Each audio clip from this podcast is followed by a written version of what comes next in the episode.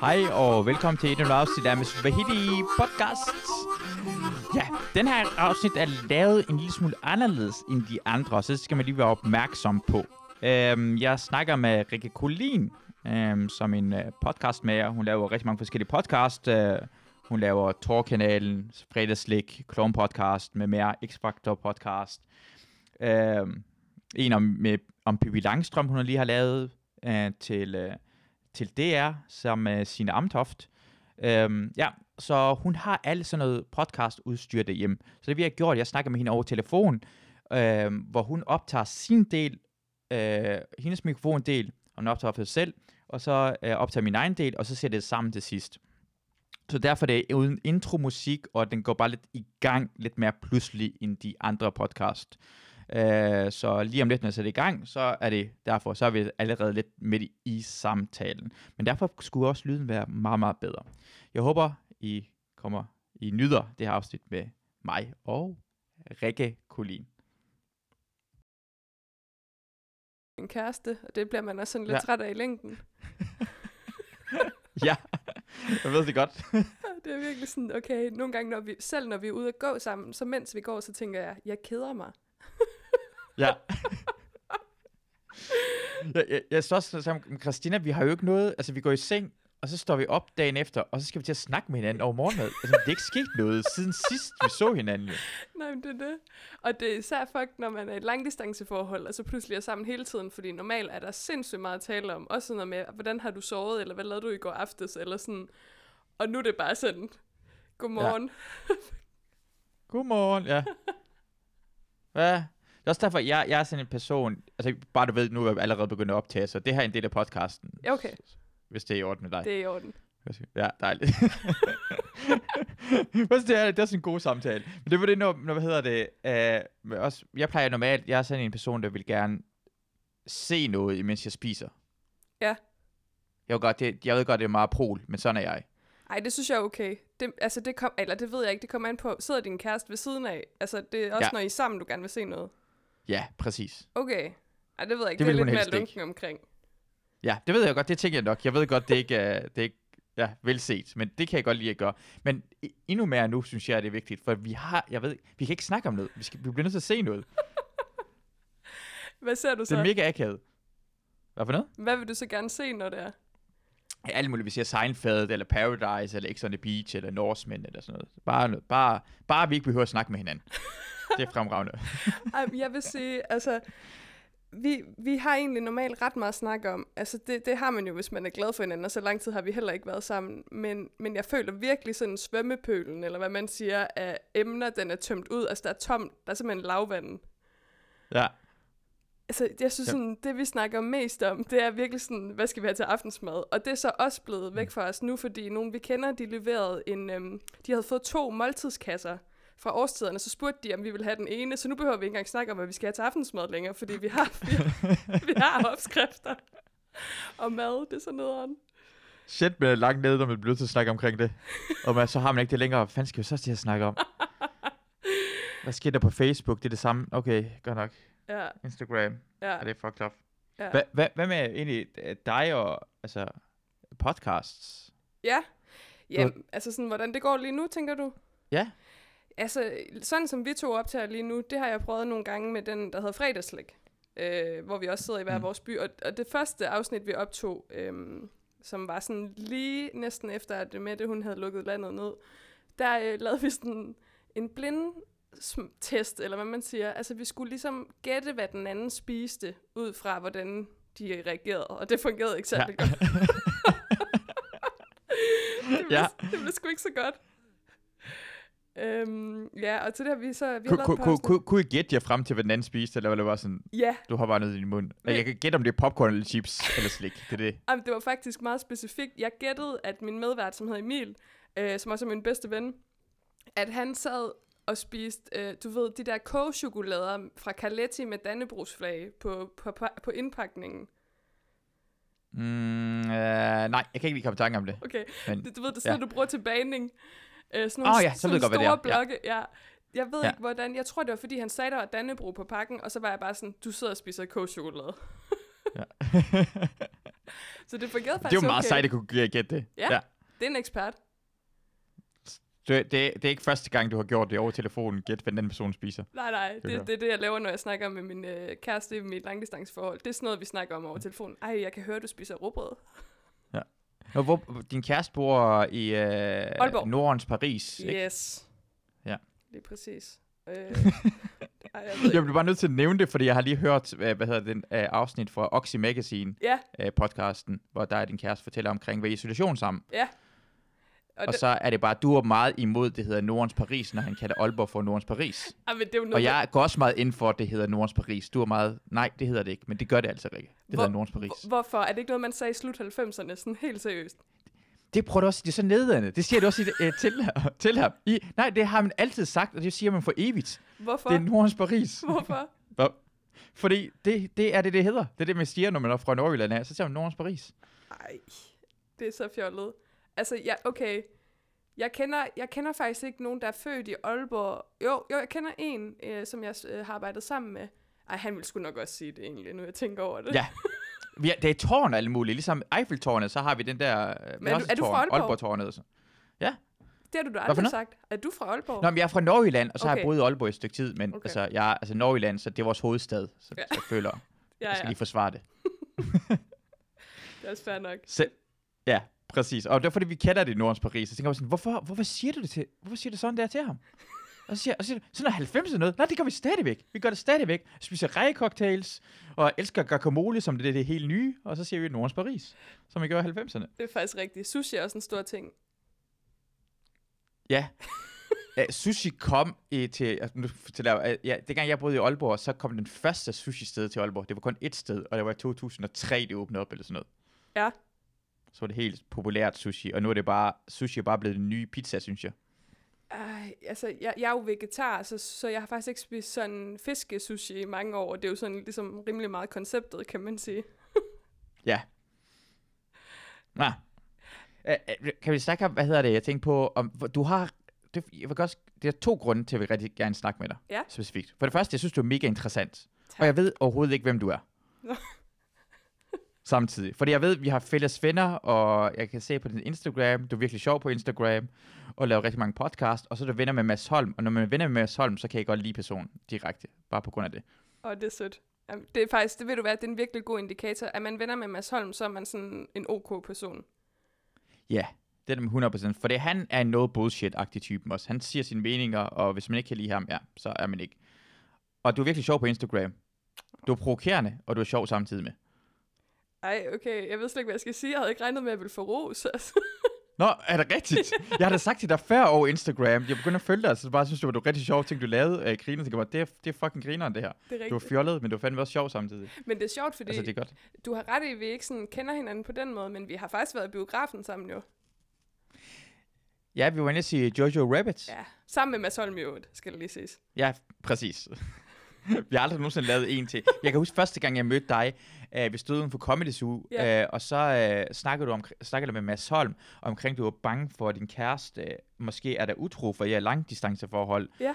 Og så er jeg, jeg er en idiot jo. Jeg er en, altid en idiot. Så jeg bare, mm, måske er han det. Hvem ved? Det kan du ikke gøre noget ved lige nu. Det kan jeg godt Og så kan jeg huske, at du var sådan, nej, hvorfor siger du sådan noget? så, og så var sådan, jeg har jo ikke styr på det. Jeg kan sige den ene eller den anden, det er dig, der skal bestemme det. Og så kan jeg huske, nå, det er en akavet start, jeg har fået med Rikke nu. Ja, um, også fordi, altså jeg, jeg er ret sikker på, at jeg har været beruset på det tidspunkt. Det plejer jeg at være, når mm. jeg er inde i, i de der gader der. Um, Ja. Og du ved, hvis man i forvejen er sådan en lille smule paranoid, og så er fuld, og der så kommer en og siger, du har ret i dine paranoide tanker, så er der bare sådan, altså så er det bare sådan highway to hell, fuldstændig. Jeg er virkelig også ked af, at jeg ikke forstod det. Ja, fordi jeg er selv meget følsom, og kan godt gøre det på den måde der. Men jeg tænkte bare, Nå, vi har det griner, vi er sammen med Mads, og, og mig og Mads kan, kan godt lide at drille og stikke til hinanden. Især hvis nogen viser noget følsom side, så stikker man lige til det for sjov skyld. Så tænker jeg bare, Nå ja, jeg kender slet ikke Rikke. Det burde jeg slet ikke have gjort, det der. Ej, du er tilgivet, du er tilgivet for længst. tak. Men ja, nogle gange, det er fordi, jeg nogle gange øh, tænker på, at det der med sådan usikkerhed også handler omkring, at det er noget, man selv skal bestemme. Jeg har det sådan en, en regel også i sidste ende, at øh, du kan ikke, øh, som for eksempel hvis man spørger, spørger en anden person, øh, kan jeg stole på dig? Det er virkelig et dumt spørgsmål. Mm. fordi det er noget, du selv skal afgøre. Du må ikke give ansvaret over videre til en anden person, fordi han, kan, han eller hende kan lyve jo. Ja. på samme måde med utroskab. Du kan, ikke, du kan ikke stille spørgsmålet til en tredje person, og så, nu har jeg ansvaret på, om din kæreste er utro eller ej. Ja, så siger jeg bare, ja, det er han højst sandsynligt. Men det er faktisk, så- det er meget interessant det der, fordi at jeg tror, at rigtig mange af de ting, jeg har været bange for tidligere, altså jeg er også en rigtig følsom person, og jeg har også en podcast blandt andet om at græde og være følsom og sådan noget. Øhm, men jeg har virkelig sådan lært de seneste par år, og det er slet ikke, fordi jeg har, kom, har været på en eller anden, du ved, sådan en rejse og fundet mig selv. Det er simpelthen, fordi jeg har været i terapi og har været igennem nogle virkelig hårde ting og sådan noget.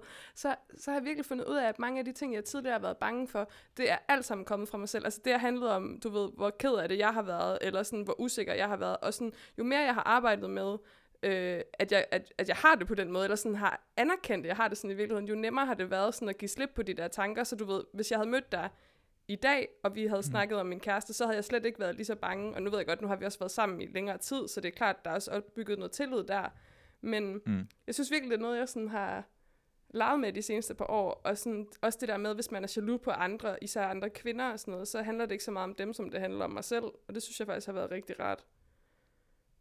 Mm. Og det, det er hvor lang tid siden, at vi mødte hinanden? Det er to år siden måske, eller sådan noget. Ja, altså jeg har været Er, sammen er det en... med min kæreste ja. i to år i morgen. Øh, Oh, ja. tillykke med det. Ja, tak skal du have. Hey. Så det er nok sådan, ja, okay. Det ved jeg ikke, 22 måneder, 20 måneder siden måske, eller sådan noget, vi snakkede sammen første gang. er, er, det den samme kæreste, som du var usikker på, hvad der er utro? Ja, altså det skal bare lige siges Ja. til lytter, at det, det var ikke fordi, jeg troede, han var det. var fordi, ligesom fordi, Mm. vi lige var startet et langdistanceforhold, og jeg havde mm. tidligere haft en anden kæreste i langdistance, som havde været mig utro, så der lå ligesom også noget der. Ja, det er, det er godt, du siger det. Også på grund af, det var, du, du mødte jo din nuværende kæreste ved, at du skulle lave noget med din ekskæreste, en podcast med din ekskæreste. Var det ikke sådan, I mødte hinanden første jo, gang? altså nogenlunde. Øhm, vi havde faktisk mødt hinanden inden, kan man sige. Jeg ved ikke, om du vil have historien. Jeg synes, den er sød. Det vil jeg meget gerne. men der er nogen, der Ja. synes, den er åndssvagt. Okay, jeg gør den rimelig kort. Ja. Øhm, Jeg har boet i Berlin. øh, Ja. Og der havde jeg en kæreste, en tysk kæreste, øhm, som jeg var meget glad for. Vi var roommates først, så blev vi kærester, og så flyttede jeg fra Berlin til København. Øhm, og så øh, var vi langdistance, og så slog vi op. Og det var rigtig hårdt for mig, fordi at det betød, at jeg ikke rigtig kunne tage til Berlin i en periode, fordi jeg var rigtig ked af det og tænkte på ham hver gang, og havde ikke lyst til at møde ham og sådan noget. Og så da der var gået et år efter vi havde slået op, så besluttede jeg mig for, nej, fandme nej, nu laver jeg en podcast til Torkanalen, som er øh, den her Tude-podcast, øh, jeg har, hvor jeg tager til Berlin og ligesom tager byen tilbage. Det skal være sådan et monteret montageafsnit, hvor jeg så mødes med ham for første gang siden der og snakker med ham. Øhm, Mm. Og det sagde han ja til, men inden da skulle jeg så ind og have en mikrofon, jeg skulle have med, sådan en knaphulsmikrofon. Og her kommer min nuværende kæreste ind i billedet, for det var ham, der solgte mig Mm. den. Øh, og jeg, altså, jeg kan bare huske, at vi havde en lang snak og sådan noget, og jeg sagde ikke, hvad min podcast skulle handle om, men jeg var ligesom sådan, at jeg skal til Berlin, og la la la. Og han sagde, okay. Og så kunne jeg ligesom, da jeg fik øh, kvitteringen, så stod der hans navn, og så var jeg sådan, okay, nå, det huskede jeg lige, og så glemte jeg alt om ham. Øh, og jeg lavede den der podcast, øh, og fortsatte med mit liv. Og så to måneder efter, øh, så var jeg på Tinder, som den single, frigjorte kvinde, jeg var.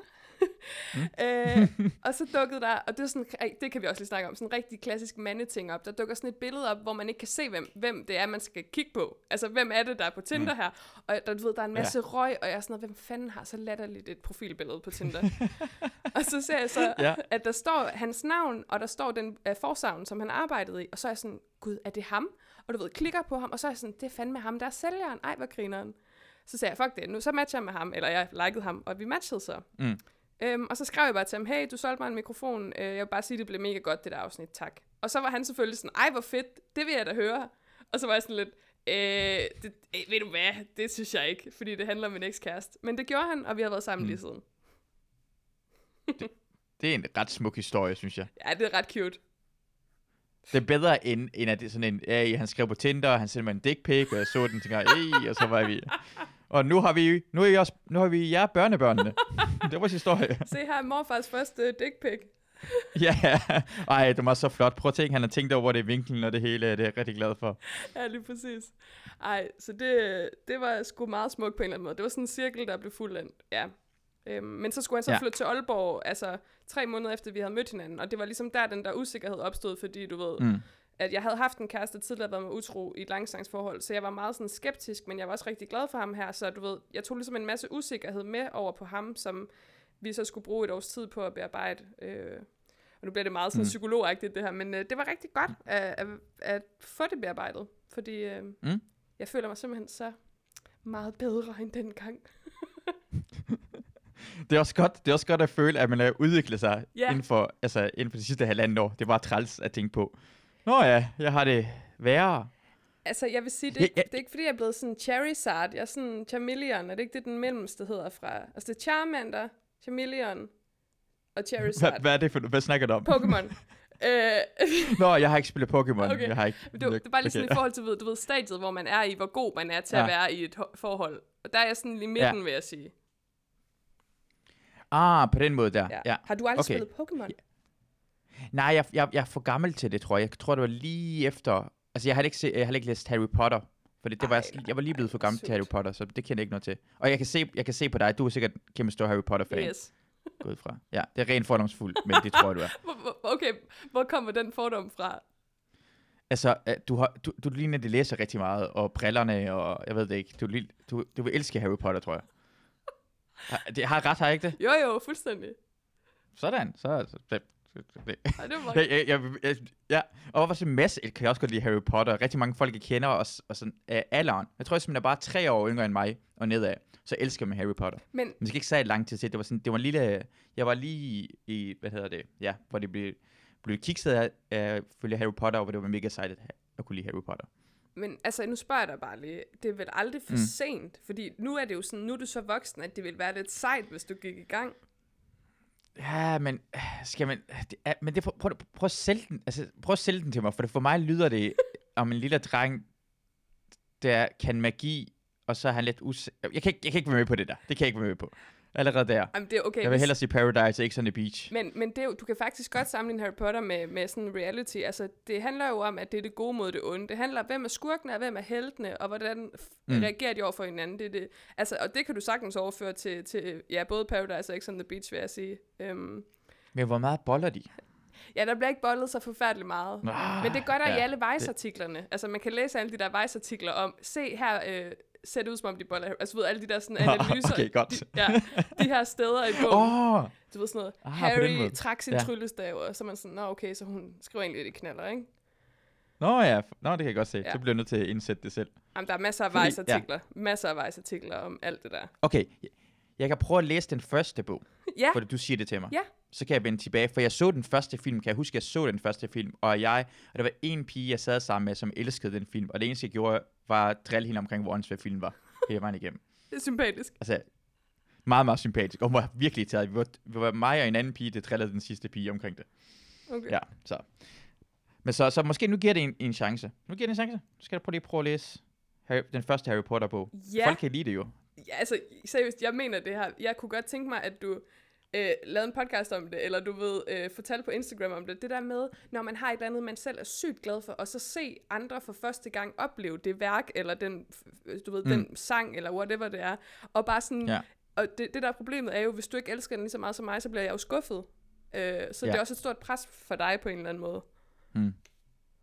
Men det gode er, at jeg er meget ærlig omkring sådan noget. Jeg skal nok sige til, jeg kan lide det. Altså, min mor kan lave mad til mig, og hun laver, hun laver altid fremragende mad, men hvis en lille smule sådan lidt off, siger bare, det er godt, men det plejer at være bedre. okay. Så spiser jeg det. Det synes jeg også er lidt hårdt. Jeg er bare ærlig. nej, nej, det er ikke hårdt, fordi, fordi det er jo på ingen måde hårdt, fordi næste gang, hvor jeg siger noget rigtig, rigtig godt, så ved mennesker også, at jeg mener det. Ja, det er rigtigt. Så, så min vurdering er altid rigtigt. Okay. Hvis du bare siger, at alting er godt hele tiden, så hvad fuck mener du? Mener du, noget er dårligt nogle gange imellem? Ja. Så, så jeg skal nok øh, komme... Næste gang, hvis vi tager en gang til, så ringer jeg til dig igen, eller du kommer herhen, for det er corona nok overstået, Ja. og snakker omkring Harry Potter. Ej, det vil jeg glæde mig til. Og vi skal snakke om alle det sexual innuendo, der hele vejen igennem. Der er ikke så mange i den første, tror jeg. Og der er noget med en stor Nå. slange. Det tror, ved du hvad? ja. Der er sgu altid lidt sex i Harry Potter, hvis man vil have det. det, det, det er sjovt, du snakker om utroskab, fordi jeg, jeg er sammen med min nuværende kæreste, fordi jeg var utro med min ekskæreste. Ja, ikke noget, jeg er stolt af overhovedet. Det er første gang, jeg var utro. Jeg, har, jeg havde rigtig dårlig samvittighed over det. Jeg havde det svært, men det var ikke sådan, jeg var utro også på den måde, at jeg vidste godt, at jeg skulle væk fra min daværende kæreste. Ja. Så det var ikke sådan en, jeg var ikke sammen med hende bagefter, men jeg skulle ikke have gjort det. Det er altså tillidsbrud. Men det gjorde jeg også for mig, at jeg blev også usikker på, hvordan jeg var, og om hvordan Christina, min nuværende kæreste, var. ja. Jeg, jeg blev jaloux nogle gange, men jeg var bange for, at hun kunne finde på at være utro. Fordi i mit hoved havde jeg sådan en tanke omkring, nej, jeg, vil aldrig, jeg kommer aldrig til at være utro. Det er så nemt, bare lade være med at gøre det. Det sker ikke noget som helst. Og så skal jeg huske, Christina var i Edinburgh til uh, Fringe Festival, og det var ikke det bedste tidspunkt i vores forhold. Og jeg så skrev hun ikke tilbage på et tidspunkt om natten, og så var jeg virkelig bange for, nå, så er hun sikkert utro, og jeg var så ked af det. Ja. Og det fik mig til den der, det var mig, der havde været utro, at det gjorde mig usikkert, at jeg havde kommet til at være utro. Okay, Det, det virker begge veje jo, altså det kan også fuck op den anden vej jo. Og jeg havde også bare i lang tid tænkt bare sådan, jeg, og jeg har aldrig nogensinde haft jalu, jalousi eller tanker omkring utroskab på, på den måde der. Men det, der fik jeg det, men hvad gør du så fordi ved det er bare en traume, det kan ske.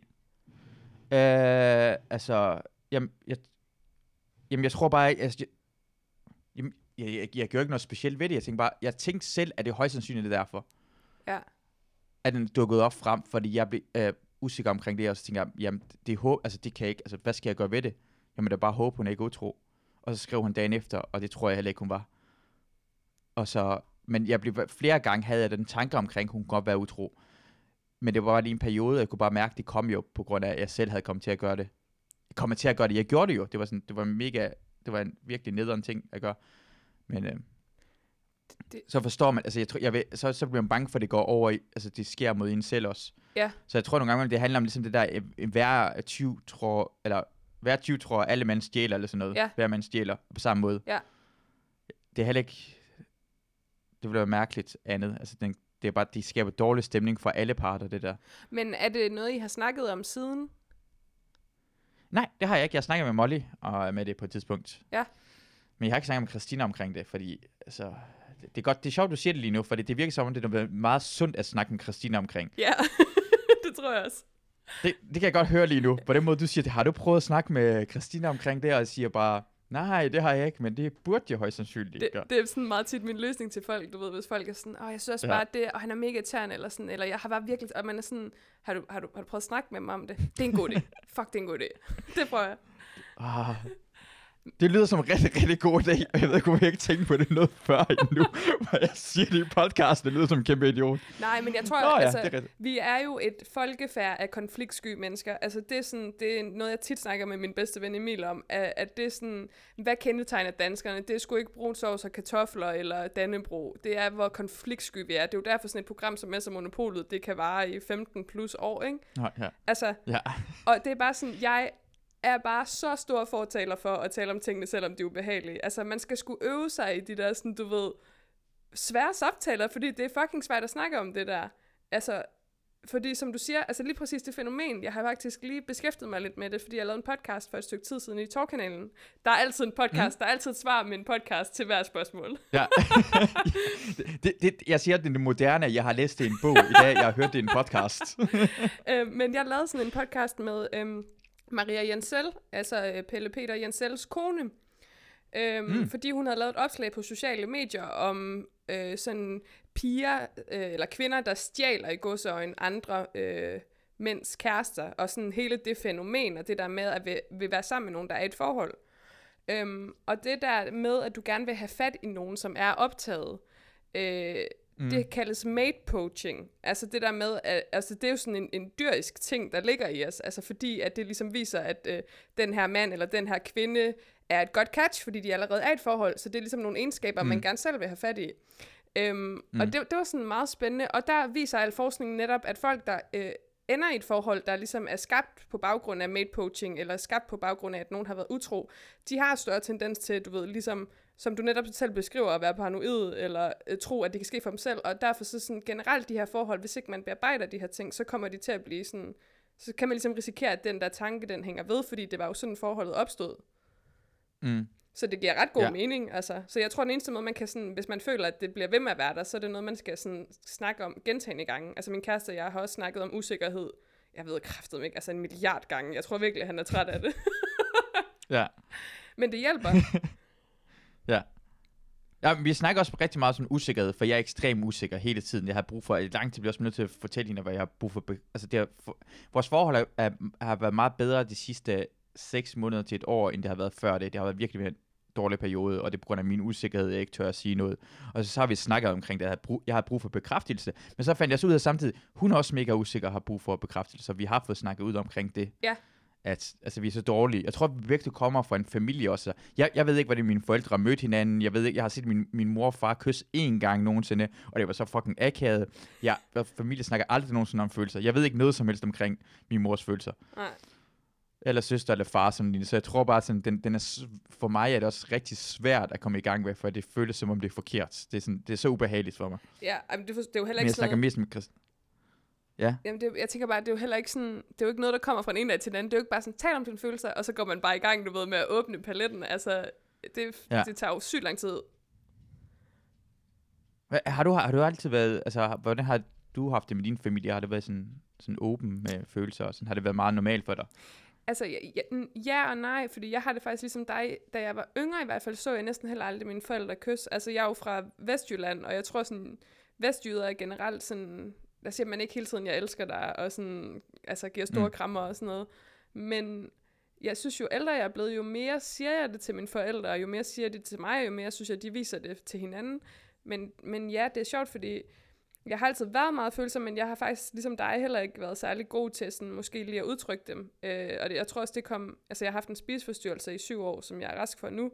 Den brugte jeg ligesom til at regulere mine følelser. Altså, så når der var noget, der var svært, så brugte jeg spiseforstyrrelsen til at sådan deal med det, så jeg ikke selv skulle deal med det. Så jeg gik i mange år og sagde mm. sådan, "Ej, men jeg har bare, jeg er mega meget i kontakt med mine følelser, fordi jeg græd rigtig meget, for eksempel, men jeg kunne jo ikke sådan rigtig mm. snakke om det med nogen. Øh, og du ved, altså, så efter at have været i terapi og sådan noget, så vil jeg sige, så synes jeg, at det er blevet meget bedre. Altså, øhm, og så han, altså, ja, det er jo fucking svært. Jeg tror, en af de ting, jeg virkelig har taget med mig fra sådan de her, de syv hårde år, dengang jeg var øh, spiseforstyrret, det er sådan, det er kraftet med okay nogle gange ikke at kunne orke at stå ud af sengen. Altså, det var jo det der med, at jeg slog mig selv i hovedet, når jeg ikke kunne stå ud af sengen. Og det er sådan, hvis man mm. både har det svært og slår sig selv i hovedet, så er det jo sådan, så er det bare virkelig meget pres, du sætter på dig selv. Men hvis du sådan Mm. godt ved, det er okay nogle gange bare at være fuldstændig ugidelig, eller sådan ikke kunne noget, så er det lidt nemmere på en eller anden måde, fordi du har givet dig selv lov til det. Ja, jeg kender, jamen det er rigtigt, det har jeg også, ja, det er sådan, man skal måske tænke på det. Jeg, jeg, jeg, jeg snakker med min øh, psykolog, der prøvede at forklare det til mig på den måde, at nogle gange imellem, hvis man har det rigtigt, jeg har haft sådan PTSD og haft depression også, og alt det her, Ja. alt muligt, angst, og så hun sagde til mig, at jeg bliver nødt til at tage en pause. Jeg skal det være med, for det første være så hård mod mig selv, og for det andet handler det om, at man skal tænke på det, for man kan ikke se sygdommen, så jeg siger det er som om, jeg har brækket mit ben, så betyder det, at jeg, jeg må ikke gå på den. Så skal de tage en slapper, det er okay, jeg ikke går på den, så kan man, og så når det er blevet helet, så kan man begynde langsomt at gå på benet og komme en genopbygning. Men man skal ikke blive ved med at prøve, at sådan, åh oh, fuck, du kan ikke engang finde ud af at gå, men min ben er brækket, så jeg skal, jeg skal lige, altså, det er okay, at I lægger mig ned, Mm. og får lov til at hele mig også op i hovedet. Ja. Men det er jo også det der med, at, som, og det synes jeg, jeg synes generelt, det er hårdt at vide, at psykiatrien er meget underprioriteret i Danmark, og tit, altså skal man virkelig kæmpe for at finde plads til den på finansloven, eller sådan, når man læser politikere sådan udtale sig om den.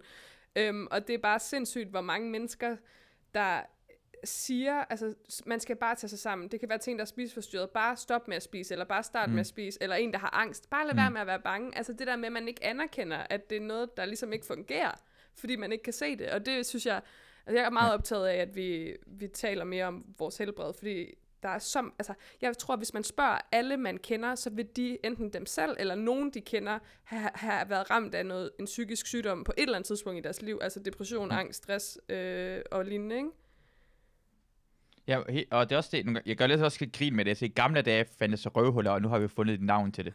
Nå, du er maniodepressiv, og sådan noget lignende. Ja, For det gamle dage, inden jeg havde, inden jeg havde sådan PTSD, sådan, åh, jeg er så glad, jeg havde PTSD. Jeg blev så glad, jeg tænkte bare, at jeg er ikke røvhul.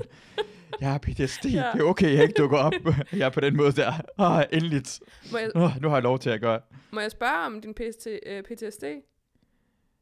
Ja, ja, jeg, jeg, vil- jeg, ja, det kan du. Det må du gerne. Jamen det er bare sådan, altså hvordan, hvordan oplever du den? Er det sådan, f- hvordan altså, behandler du den i dit liv, eller hvad man siger?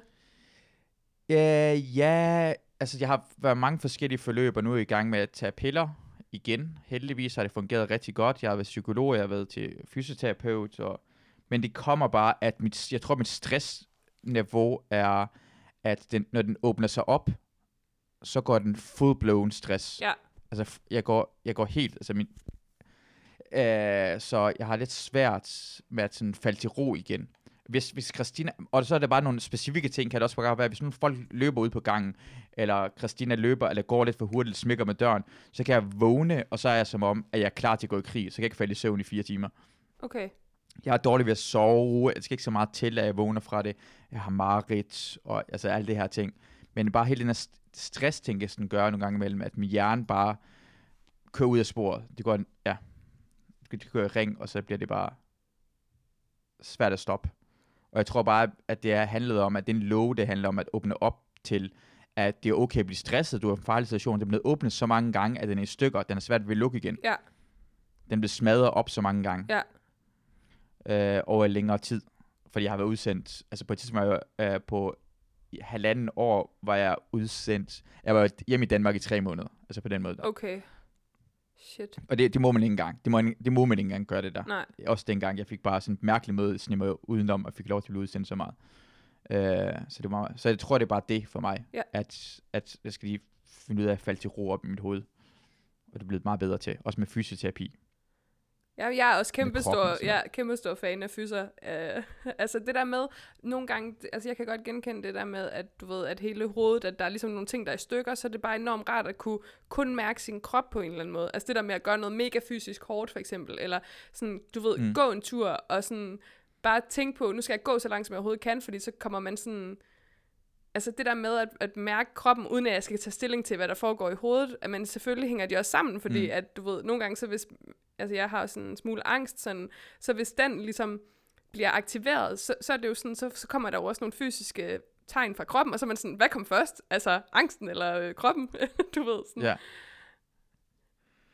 Det er vanvittigt, det der ting med kroppen, og hvordan den påvirker, synes jeg. Altså, så kan man mærke, at sin hjerte pumper en lille smule. Jeg kan, jeg, jeg, kan se, oh, jeg kan ikke se det her blodår, jeg plejer at se det her blodår. Oh, fuck. Og så begynder blodåren at forsvinde, fordi jeg begynder at have så meget angst, Ja, at mit blodtryk falder. Og så forsvinder blodårene, og så bliver jeg nødt til at lægge mig ned. Ja. Og så, hvad er der sket med sut? Øh, jeg kunne ikke lige se min ene blodår, og så kunne jeg godt se den lidt, men så forsvandt den, på grund af, at jeg ikke kunne se den lidt. ja, så det var sådan, nå okay, du er en voksen mand, det bare ligger dernede nu, ja. Ej, på grund af det. Det er så sjovt, du siger det lige med blodår, fordi altså, det, var, det er også det der med, hvis man har en diagnose, eller man har en eller anden ting, der er et problem, så er der også tit, altså, så kan den ligesom tiltrække andre dårlige ting, så det bliver sådan, du ved, en stor ond cirkel, sådan en heksecirkel nærmest. Um, Ja. Så da jeg var sådan allermest spiseforstyrret, så havde jeg sindssygt meget dødsangst. Jeg var hele tiden bange for at få en blodprop. Og der havde jeg særligt på min venstre arm, der havde jeg sådan en meget tydelig blodår, som du netop beskriver. Og nogle gange, så sådan, hvis det var rigtig varmt, og når det var sommer, så kunne den ligesom godt sådan hæve lidt, fordi jeg havde vand i kroppen, eller det var rigtig varmt.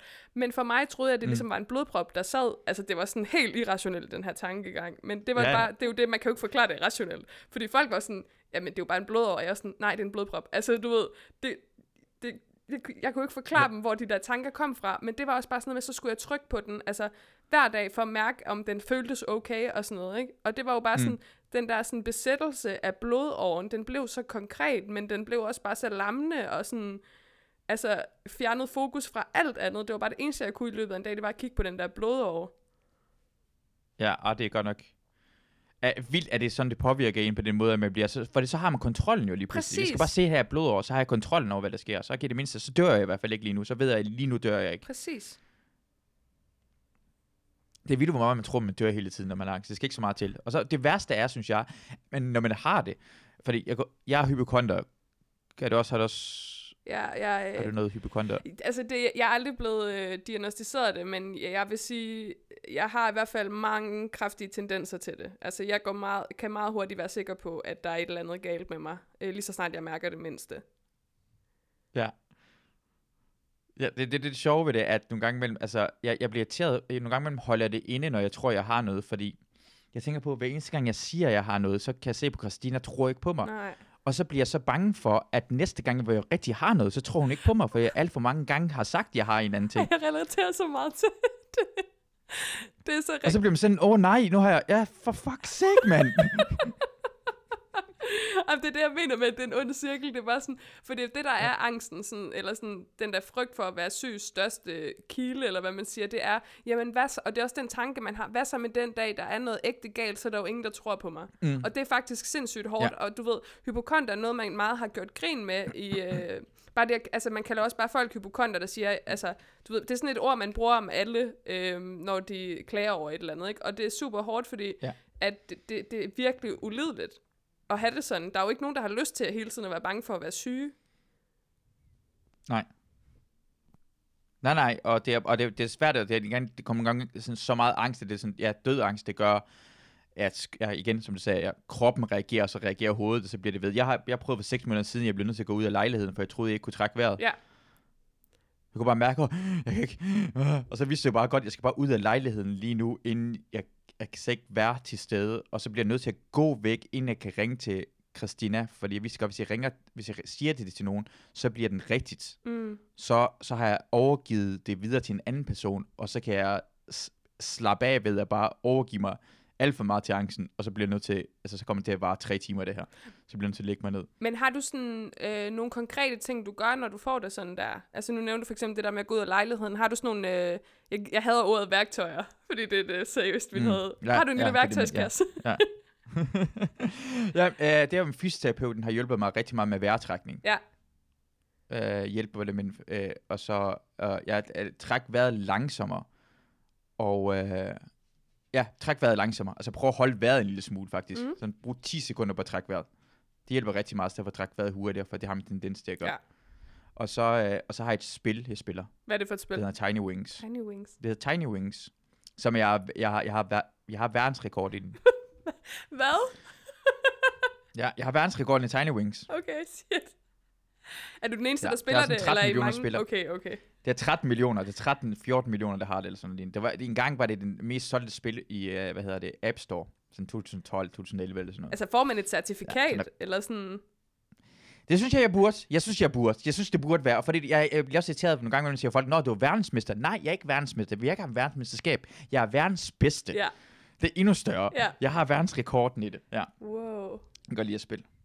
Hva, hva, har du, uh, hvad, hvad gør du, hvis du... Uh... Øhm, jamen, altså, nogle gange, jeg, jeg kan faktisk, jeg ved godt, det lyder fjollet, men det kan virkelig hjælpe for mig at tænke, okay, så dør jeg nu. Altså, og så tænke, så, så var det det, fordi så på en eller anden måde, så, så giver min krop sådan en slip, øh, og så finder jeg ret hurtigt ja. ud af sådan, okay, det, det gør jeg måske ikke, og så begynder jeg sådan at tænke på meget konkrete ting, som jeg kan altså sådan, øh, bruge lang tid på at tænke over. For eksempel, så skal jeg til at flytte nu her, fordi jeg har købt en andelslejlighed, og så brugte jeg, sidste gang jeg havde et angstanfald, så brugte jeg 20 minutter på at ligge og tænke, hvad for nogle øh, ting, jeg mangler til køkkenet.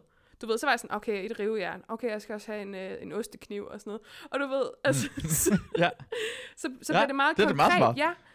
Øh, og det Ja. fjerner ligesom tankerne fra kroppen igen, fordi det bliver sådan et Ja. eller andet andet, og det er jo noget, jeg ligesom kunne altså, bruge tid på at sådan, lave budget omkring inde i mit hoved, ikke? Ja. Øhm, og det virker rigtig meget, synes jeg. Øh, og, øh, og jeg, er også, ja, jeg kan også rigtig godt lide at spille. Jeg spiller Wordfeud, klassikeren. Ja. Øh, jeg har ikke nogen verdensrekord, men jeg har engang lavet et ord øh, til, jeg tror det er 1056 point. Øh, det var jeg ret stolt over. Jeg, jeg tror, vi har snakket om det før, du spiller den der random mode. Ja, det tæller ja. ikke. Det tæller ikke. Alle pointene, det tæller ikke, så det gider jeg ikke engang. Okay, det er fair nok. Det er fair nok. ja. For jeg spillede rigtig meget Wordfeud. Jeg spillede rigtig meget Wordfeud, især øh, med Simon Talbots mor. mig, mig og Simon Talbots mor havde sådan tre-fire spil kørende altid. Ej, hvor er det godt. Og hun skrev til mig sådan, for hun, så skrev hun så for eksempel, Nå, men nu skal jeg på øh, en uge til Gran Canaria, så jeg er lige væk. Nå. Vi ses, når jeg kommer tilbage igen. Ej, hvor er det grineren. Og jeg har aldrig nogen- nogensinde mødt damen, damen Jehovas viden jo, så jeg har ikke, jeg har, det eneste grund, jeg har spillet med det, er på grund af, jeg spillede med Lasse Remmer, øh, øh, øh, på grund af, og jeg kunne, jeg kunne slå Lasse Remmer. Han var den, altså, det er ikke så mange, der slår Lasse, Lasse Remmer i Warfield, det kunne jeg gøre. Og så er hun, han spillede sammen med Talbots mor, og så har Lasse Remmer anbefalet mig som en uh, rigtig god til Det er sådan et sindssygt netværk. Altså, det er sådan, Ja. det er sådan spillerhandel. Altså, det er sådan pendant til Premier League, eller sådan transfervindue, der er åbent, ja. og så, sådan, så bliver folk anbefalet og solgt og sådan noget. Ja. Fuck, det er sjovt. Jeg kommer op til uh, Simon Talbots mor ligaen. Jeg håber en anden dag, du kunne få lov til at komme så højt op. Ja. Så you made it. Altså, jeg, øh, jeg havde engang, øh, apropos Lasse Remmer faktisk, min gamle Wordfeud-navn, det var Funk Master Nice, som er øh, en lille hilsen til en karakter, han spillede i Madrillen. Øhm, Ja, og, sejt. øh, og der spillede jeg mod en, der hed Janni, og det var også bare sådan en random en, du ved, at, at man spillede med på et tidspunkt. Og så blev vi ligesom ved med at sådan acceptere hinandens øh, anmodninger. Og så lige pludselig så havde vi bare spillet mod hinanden, du ved, i halvandet år, og vi blev sådan Wordfeud-venner. Øh, og så på et tidspunkt stoppede jeg med at spille Wordfeud, og så, så der begyndte jeg her igen for sådan et halvt år siden. Og så var jeg bare sådan, fuck mand, jeg savner Janni. Altså det der med, fordi jeg sendte en anmodning ja. til hende, og hun svarede ikke på den. Og jeg var sådan, ja. hvor er Janni nu? Ej. Hvem er Janni? Altså du ved, jeg kunne bare ikke slippe ja. det igen. Hun var virkelig noget særligt. Ej, kan det, kan det gå tilbage og se på? Altså, kan man ikke se tidligere beskeder øh, i Wordfeud fra gamle dage? Kan man ikke se, om man har skrevet til hende, at hun har skrevet en kontakt, eller om man kan finde hende på Facebook eller noget? Desværre ikke. Jeg har faktisk prøvet, så jeg kan finde det på Facebook, men jeg synes også bare, det er sådan lidt, hey, fordi hun ved jo ikke, det, altså, at jeg hed jo Funkmaster Nice. Altså, jeg kunne jo være hvem som ja. helst, ikke også? ja, jeg tror faktisk, jeg hed Funkmaster men... Nice 14, hvis jeg lige tænker over det, men du ved... men det var sådan specielt. Det var, sådan, Sejt. det var ikke Simon Talbots mor øh, tæt, men, men, men alligevel i nærheden af det, vil jeg sige. Ja, ja. Jamen, jeg, jeg, jeg, fik også en veninde igennem Wordfeud, som var en helt anden, som også havde en psykisk... Ja, hun var også deprimeret og havde angst, som jeg er venner med på Facebook, men vi havde sådan, vi kunne snakke med hinanden over Wordfeud. Hun boede på det tidspunkt i New Zealand, hun var dansker. Ej, hvor det vildt. Og vi snakkede med hinanden. Ja. ja så det, det, det, kan lade sig gøre, for det, det, er også fedt. At, på den måde er det også bare dejligt at snakke med en helt fremmed menneske, man har noget helt andet til fælles med, end de normale mennesker rundt omkring en. Ja. Man snakker på en måde helt ærligt, på en helt anden måde. Fuldstændig. Men altså, jeg vil sige, jeg tror også, det er fordi, jeg, jeg, at jeg ikke har et billede af mig selv, eller jeg ikke er sådan ung og blond, fordi jeg oplever rigtig mange af mine veninder, der har spillet Wordfeud, hvis de har haft et billede af dem selv, så er det sådan, du ved, sådan nogle gamle creeps på plus øh, 50, som sådan lige slider into the DM, og man er sådan, ven, jeg har fået spillet Wordfeud, gå væk. Ja. Så ja, det, det, det, det har jeg, jeg tror bare altid, jeg har været nok til omvendt. Jeg har så meget vidst, at man skal lade være med at gøre sådan noget lignende, at lægge an på folk og sådan noget wordfeud-agtigt, eller bare i det hele taget. Ja. Jeg tror nogle gange, at jeg har misset chancer. Med. Ja. Fordi jeg er jo ikke en, jeg er jo ikke en 70-årig mand. Nej, det er du ikke. Det er dem, det mener, man skal lade være med at gøre. Ja. Jeg, jeg, jeg, jeg, fordi har det for, vidste du godt, at man går tilbage i tiden, angår det beskeder, men øh, hvis man har en iPhone, så kan man gå tilbage i sine beskeder og se alle de beskeder, man har sendt og modtaget, ja. siden man havde en iPhone. Ja. Har du nogensinde prøvet at gøre det? Øhm, jeg laver ikke andet. Ej, okay, jeg laver andet. Men øh, jeg er jo sindssygt nostalgisk. Så for eksempel de her dage, hvor ja. vi har været meget indespærret, og jeg ikke har haft noget at snakke om med min kæreste, øh, så har ja. jeg siddet på min telefon, og så har jeg siddet og læst gamle sms-korrespondence, eller sådan iMessage-korrespondencer fra 2013 og sådan ja. noget. Øh, det er ja. sindssygt nostalgisk, og man kan bare sådan huske de der dage og den der udveksling, og sådan, det, det er faktisk virkelig fantastisk, synes jeg. Ja, det er vildt, at så kommer man i tanke om det der ting, og hvad der skete, og hvad man tænkte dengang. Og ja, præcis. Jamen, jeg er sindssygt nostalgisk. Følelser. Altså, fuldstændig. Jeg elsker sådan noget. Jeg har en besked, i, det er helt tilfældigt, jeg står og kigger tilbage. Jeg har en besked fra Maria Arcel. Nå, hvad står der? Må man spørge Jeg var på date med hende i 2011. 22. april 2011. Tak for det hele. Vi var rigtig glade. Vi tager på bakken i Kødbyen. I er velkomne til at komme. Ej, for satan. Hold kæft, det er sjovt. Og så sådan der, eller en, der hedder med, med, med Lene, hvor jeg, jeg, jeg har kysset med hende en gang, og så kan jeg se, det er mange beskeder. Nå, hvor er du hen? Og det er byen. Åh, oh, oh, jeg er herovre. Ja. Jeg, jeg, har, jeg, har en, jeg kan huske en tidligere besked, hvor det bare stod en pige, der havde bare skrevet til mig. Jeg tror, det er hende her. Er det her? Hey. Nej, det var ikke det her. Det er en, der skriver bare direkte, jeg tror, jeg har klamydia. Det skal, få det, det skal blive tjekket. Jamen, det er virkelig fantastisk. Uh, og det er jo bare sådan, det er virkelig en af fordelene, fordi der er mange ulemper ved sådan smartphones, og ved, altså sådan, du ved, alt data bliver gemt og sådan noget, men en af fordelene, det er, at man sådan anytime på, på hvilket som helst tidspunkt øh, af døgnet bare sådan kan blive nostalgisk og gå sådan full on, altså du ved, også sådan i gymnasiemode, eller hvor man nu har været henne igen, yeah. og bare sådan genopleve, hvordan det var at blive student nærmest, føler jeg. Ja, det, det, det, det, det skal man prøve at gøre i hvert fald. Så en iPhone, gå tilbage og se, og så finde de vilde, dumme beskeder, man har haft, og tænke på, nej, det er den her, også nogle gange, man tænker, nej, den her person, det er lang tid, jeg har snakket med ham. Ja. Hvem, hvem er Louise Christensen? hvem fanden er hun?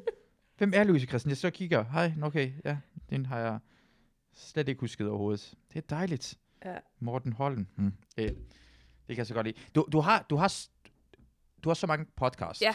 Rikke. ja. Uh, hvor mange podcasts har du? Øh, åh, altså, øhm, sådan fast, eller hvad man siger, der har jeg øh, Torkanalen, Fredagslik og Clown Podcast. Det er tre. Øh, og mm. så øh, har jeg lige lavet en serie til P1 om Pippi Langstrømpe med sine Amtoft, øh, som hedder Pippi for voksne.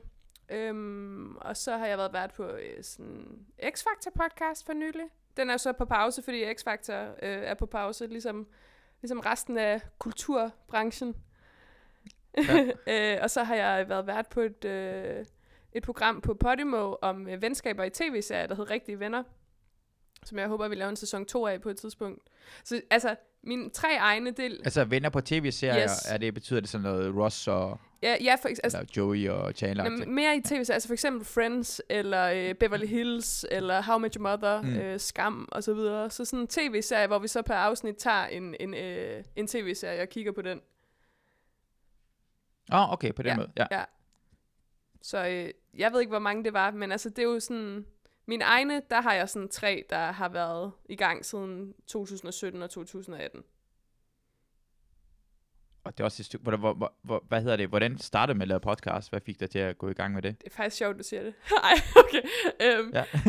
ej, men det var jo, altså jeg havde været praktikant på øh, P6 Beat på musiktjenesten i um, efteråret 2016 og starten af 2017.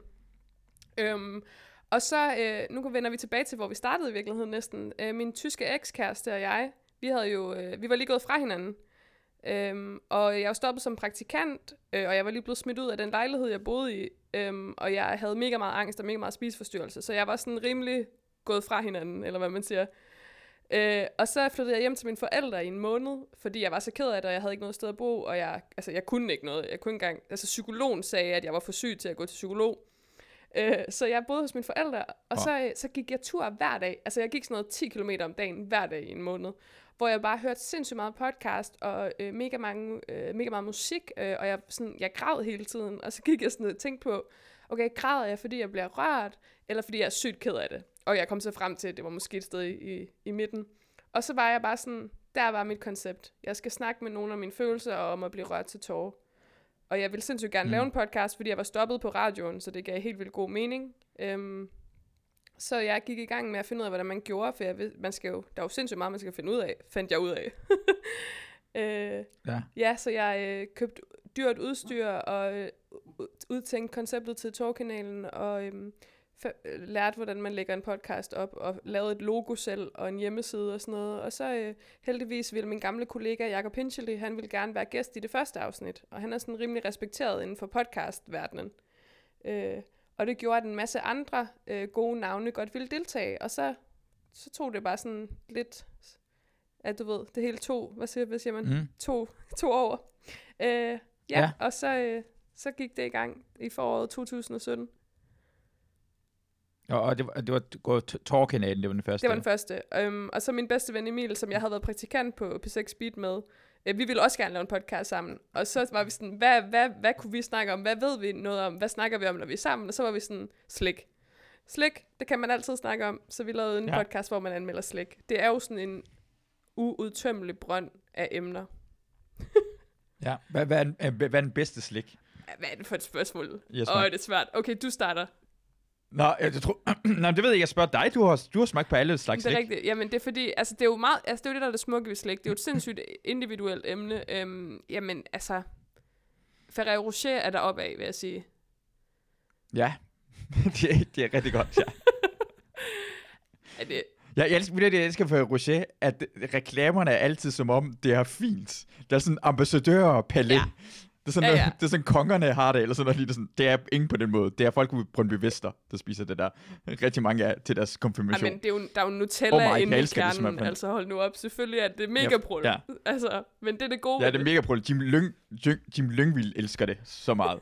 Så allerede er det jo lagt en lille altså, smule. Altså Emil, det smager fandme Emil godt. har engang prøvet i podcasten at slå Jim Lyngvilds uh, verdensrekord.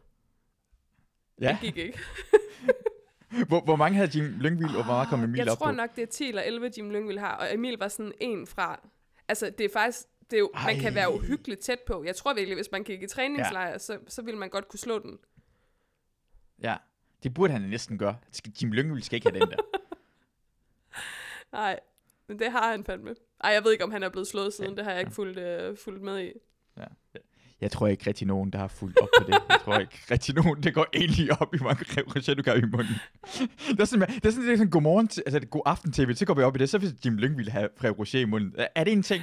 Er det virkelig underholdning, vi har gået op i? Ja, men prøv vi har prøvet helt vildt mange gange det der med, sådan, hvor meget Emil kan have i munden. For eksempel, så kan Ed Sheeran, han kan have, jeg kan ikke lige huske det præcise tal, men omkring, jeg har lyst til at sige 50 øhm, Maltesers i munden. Øh, det har han sagt i et eller andet carpool Ja. ja. karaoke eller sådan noget, og så skulle Emil prøve at slå det, ikke også? Er du godt klar, hvor mange Maltesers Ja. ja. det er? Det er jo sådan, det er absurd. Jamen, det er, det er 50. ja, det er 50. Antalmæssigt er jeg med på det. Jeg ved ikke, hvor det fylder. øh, I hvert fald mere, end øh, der kunne Ja. være i Emils mund, og han har eddermame med en stor kæft. Hvor, så prøvede han det, så prøvede han sådan at have prøvet at have 40 Malteser i munden samtidig med. jeg tror, han var oppe på sådan noget 28, så var han ved at kaste op. Skal, skal man ikke have en læge til stede, når man gør sådan lige Så kan det mega farligt. Jo, jo. Det, altså helt seriøst, det tror jeg faktisk. Vi havde også Jonas Vesterbø med øh, i et afsnit om verdensrekorder, og han skulle blandt andet prøve at slå både Jim Lyngvilds rekord øh, med Ferrero, øh, Ferrero Rocher, og øh, verdensrekorden ja. for at spise øh, fem sneakers hurtigst. Øh, og det kunne, det kunne Ja. altså, Hvor, han, hvor hurtigt gør det? jeg tror, det er sådan noget øh, to minutter og 30 sekunder. Altså man tænker sådan, okay, det er ret lang tid. Og det kan jeg godt slå. Det kan jeg godt slå. Ja, det kan, nej, det kan jeg du godt slå, kan der. Ja, ja. Jo, det kan jeg godt slå. Du skal være så velkommen. To minutter? Jeg tror, det var, sådan, det var allerede 30 sekunder eller sådan noget. Det var sådan top. Ej, det, Kan man ikke sluge det eller sådan noget lignende? Kan man ikke, altså, mm, må, skal man tygge det igennem? Altså, fordi jeg har set sådan konkurrencer, hvor folk spiser pølser. Sådan, øh, det er sådan en amerikansk konkurrence i New York. Ja. Ude på Coney Island hver eneste år, de har den der, vi skal spise pølser, og folk sluger jo bare Ja. pølserne. Øhm, jeg, jeg tror faktisk, der er en regel om, man skal tygge dem, fordi det skal være meget sådan specificeret. Altså, du ved, at det skal stå i reglerne. Men det er også bare sådan, det er lidt lettere Okay. at sluge sådan en glat pølse, end det er at, sluge en Snickers, Ja. ja. ikke? Altså, den krasser lidt mere. Det er rigtigt nok. Ja, ja, den kan godt sidde fast. Og så er der også den er, den er, det der peanut Ja. og ja, nougat, ja, det er svært end i Ja. ja. Jeg giver det en Ja. chance. Jeg skal nok lige prøve. Du skal læse Harry Potter, og du skal sluge uh, Snickers, eller spise dem. Ja, ja. og sneakers er fantastisk. Det er noget af min yndlings. de er også gode. Det, jeg, ved du, hvad min yndlings er? De små sneakers, de små Twix og sneakers, man kan få i blandt selvslæg. Jeg elsker, at man kan få de små portioner, så man kan lige sådan, mm, jeg kan få en lille Ja. en. Jeg kan få en lille en af. Altså, de der er sådan helt små, hvor de er udformet som sådan karameller. Ja, ja, ja. ja, præcis. Er de gode? Jeg vil, og så kan jeg lide syrlige ting også rigtig meget. Jeg kan ikke lide lakrids. Lakrids skal man... Ja. Altså, jeg er jo kendt for i podcasten at være sådan, altså anti-surt slik. Jeg synes, surt slik er så overvurderet. Åh. Og det er altid mænd. Ja. Mænd elsker bare surt slik, og man er bare sådan, åh, oh, Jesus Ja. Christ, kom nu. Ja, det er jeg. Jeg elsker. Jeg er en mand, og jeg elsker sur slik, og jeg står Ej, ved det det. godt. Du skal ikke fandme ikke gøre nedgøre min mandlighed. Det er sådan, jeg, jeg viser, at jeg er mandlig. Jeg spiser sur slik. Men det er faktisk ret sjovt. Sådan, det er også en af de ting, jeg har fundet ud af om min kæreste nu her. Nu har vi jo været sammen i halvanden måned, og sådan, vi skiftes jo sådan lidt til at købe ind. Og så, du ved, hver gang jeg sådan siger, kan du ikke købe et eller andet sådan lækkert med, så køber han konsekvent noget ind, som bare er så langt fra min smag, som det overhovedet kan være. Og sådan, det er så grineren, altså, og det er hver eneste gang, han har fejlet så meget, og det er så smukt, fordi jeg, jeg spiser jo chokolade hele tiden, så han burde efterhånden godt vide, at han Ja. ja. bare skal købe noget kinder eller sådan noget, men han forstår gang på gang at fuck det op. det er lidt sådan smukt, Ja. hvordan han kan blive Ja. ved. Um, I går var jeg det sådan, er sådan et Jeg var kunststykke. sådan, kan du ikke købe noget lys chokolade? Og så købte han risen. Og jeg var sådan, det er mørk chokolade, og det er karamel. Hvad er det, du ikke forstår? altså, Åh, oh, jeg elsker, jeg elsker at få skæld ud over det her. At få skæld ud om det er det forkerte slags chokolade, du tager med. Jeg har taget chokolade med hjem, det er det helt Ja, ja, forkert. Det er det helt forkert, det her. Og det jeg, jeg gider ikke. Jeg ved ikke, har vi hvor lang tid været kærester? Er det næsten to Ja. år, ikke? Er det Ja. to år? Ja. Ja. Jeg ved ikke, hvor lang tid mere vi kommer til at være kærester på grund af det her. Hvis du bliver ved, det kommer rislen. ja, tiden render ud. Og, og vi snakker omkring mandlighed. Du kan godt lide fodbold, og det er sådan, altså, kvinde, der kan lide fodbold. Jeg forstår det slet ikke. Hvad, hvad er der sket i, Ah. altså, forstår du, altså, at jeg, I ved ikke engang jonglere med bolden, eller holde fast i den. Ja, Så, det kan jeg. Ja, jeg skulle bare lige komme. Det kan jeg rigtig godt. ja, du er sådan Esbjerg-fan, ikke? Øh, det er faktisk sjovt, fordi altså, mine øh, forældre, de har tre børn, de har tre piger, øhm, og jeg ved, min far, han sådan, altså der er sådan fire år mellem os alle sammen, så det vil sige, at jeg er otte år ældre end min yngste søster, og da hun sådan kom til verden, og hun var den tredje, så var han sådan, nå okay, han gav ligesom op på, at det nogensinde skulle blive til noget med fodbold. Øh, han øh, har altid set fodbold, og han øh, har spillet Mm. det selv og så Esbjerg og sådan noget, så da jeg var lille, altså der var jeg jo, jeg kan huske det her tydeligt, det er sådan virkelig et barndomsmænd for mig. Der var jeg øh, stort set altid med min far på stadion, og den eneste grund til, at jeg var med, det var, fordi min mor altid gav mig en lille pose slik med. Øh, så jeg tog sådan mm. med, troligt. og det grineren er, at det var jo sådan en gammel øh, Vardevej, øh, som er øh, der, hvor Esbjerg Stadion ligger i 90'erne. Det var jo, altså det er jo et helt andet stadion nu, det er blevet helt moderniseret. Dengang var det bare sådan en lille idrætspark med en tribune. Men jeg, og du ved, de var i første division i 90'erne, så jeg husker det bare som om, at Øhm, du ved, der var tusindvis af store mænd, og i virkeligheden har der været sådan noget 400 mennesker, og vi har ikke stået ved siden af nogen. Altså, ja. du ved, men jeg husker det bare sådan, wow! øhm, og ja, jeg var så med ham øh, øh, rigtig lang tid, fra jeg var sådan 3-4 år til jeg var måske de der ja, 7-8 år. Så stoppede jeg øh, med at tage med på stadion, fordi jeg interesserede mig ikke for fodbold. Jeg synes, det var røvsygt. Men så en dag, da jeg var 10, mm. og jeg husker det tydeligt, jeg gik til drama på det tidspunkt, og jeg ville være skuespiller, jeg ved ikke hvad. Øhm, men så en dag var der en artikel i avisen, hvor der stod, øh, der søges piger til et pigefodboldhold i stedet en guldær. Øhm, kom og prøv. Og så var jeg sådan, prikker min far på skulderen og siger, far, jeg tror godt lige, jeg vil prøve det her. og han er sådan, okay, fedt. Det, ja. Så har han kørt mig til fodboldtræning, og jeg tog derud med min bedste veninde. Og jeg kan seriøst huske sådan, altså vi gik i gang med at spille og sådan noget, og alle var jo vildt dårlige, fordi der var aldrig nogen, der spillede fodbold før, og vi var 10-årige piger. Øhm, og jeg var god. Altså jeg var bare god til det. Jeg var sådan, jeg kan huske, jeg løb med den der bold, og nice. tænkte sådan, okay, jeg er jo, jeg er jo god til fodbold. øh, og ja, så øh, fra den dag, så begyndte jeg at gå på stadion igen med min far, hvor jeg så elskede det, og blev kæmpe FB-fan, og var på stadion med ham hver anden søndag, altså he- hele mit teenage-liv, øh, når jeg kunne selvfølgelig. Ja. Øh, ja, fordi så blev jeg selv rigtig god og spillede elitefodbold og ungdomslandsholdsfodbold, og ja. Åh, oh, det er da vildt, det der... Nå, det vidste jeg ikke engang, at det var sådan en... Jo, jeg har været anført på 17 landshold. Wow, det er vildt. Det var tider. Skal du, du skal, du skal næsten, altså, spiller du slet ikke fodbold? Altså, jeg fik rigtig dårlig knæ allerede som teenager, og så fik jeg også en diskusprolaps i ryggen, så jeg sådan, altså, oh. jeg kan godt stå og jonglere, øh, og sådan, du ved, spille et hyggebold og sådan noget, det synes jeg griner, men sådan en decideret ja. kamp nu, det, det er virkelig hårdt for min krop. Altså, den har det bedst med lidt løb og sådan lange gåture. Okay. okay. For det kunne være fedt, at du, hvis du var, kunne være med. Nogle gange spiller vi ude i Kløvermarken, spiller vi uh, sådan komikere, spiller fodbold, og vi er alle sammen dårligt for med elendigt okay. til det. Og så er det bare fedt, hvis du kommer med og bare smadrer os alle altså, sammen. Jeg, skulle, jeg vil sige, altså jeg, jeg spillede faktisk her, jeg skulle være med i sådan en, uh, en lille video for uh, Otted, bare lige sådan i 10 sekunder mm. for nylig, og så skulle vi bare lige ja. sådan jonglere og sådan lige spille lidt og sådan noget. Og lige med det samme var jeg bare sådan, okay, fuck, jeg må bare starte til fodbold igen. Jeg savner det så meget. Jeg savner bare at du ved, støvler på og græs under fødderne, og bare sådan spille en, en solrig ja. eftermiddag. Øh, men hvis I er i dårlig form, så kan jeg da godt overveje det, fordi det er også. Ja, ja, ja, helt sikkert. Vi, vi, det er bare her, det sådan, nogle gange, men vi har en gruppe og sådan noget, og vi vil gerne, og vi, vi er ofte er vi sådan, vi er sådan 10 mennesker alle højst, og sådan, vi spiller bare sådan hyggebold, ja. og tager pause og ja. sådan det. Og ja. Og vi har nogle gange med også, Molly har været med en af gangene, og Mikkel Klintors kæreste har været med en del, så vi har også... Øh, I er også søde over for damerne. Jeg, jeg ved, Ja, det er lige nøjagtigt, vi har. Også fordi Mikkel, Mikkel Klintors kæreste er fucking god ja. til det. Så det er bare sjovt at se, at hun også bare smadrer igennem os, så vi er bare sådan drenge, der så ikke kan finde ud af det. Hun er så også fucking hårdt i fodbold. En af gangene, vi spillede sammen, hun var på hold sammen med Mikkel, og Mikkel blev sådan voldsomt taklet, og han, han lå med en skade, og vi, vi løb alle sammen over til Mikkel, sådan, åh, oh, fuck, hvad der skete. Hun, hun løber bare videre og scorer, og hun er fucking ligeglad, at min kæreste ligger ude i siden. hun går bare op og vinde. Det var fandme sejt. Ja. Ej, men det er altså, okay, det var fint nok, de var på hold sammen, jeg sige. Det havde været virkelig hårdt, hvis de havde været sådan en modstander, synes jeg. Jeg tror, hvis det var modstander, så var hun fucking ligeglad, så det er hende, der havde taklet ham. Hun er kold. Fedt. Det er det, det er det bedste at se, sådan Det er derfor, jeg vil gerne have fordi hun ser også så rigtig, rigtig sød ja. ud, jo. Og det, altså, når jeg kigger på dig, tænker jeg på, mm, du, du kan ikke spille fodbold. Det er jeg helt sikker på, du ikke kan. Hvor kommer den Og så er du fucking god Hvor kommer den fra? Du ligner en, der er så Harry Jamen, Potter. Altså, man kan jo godt du, være nuanceret, jo.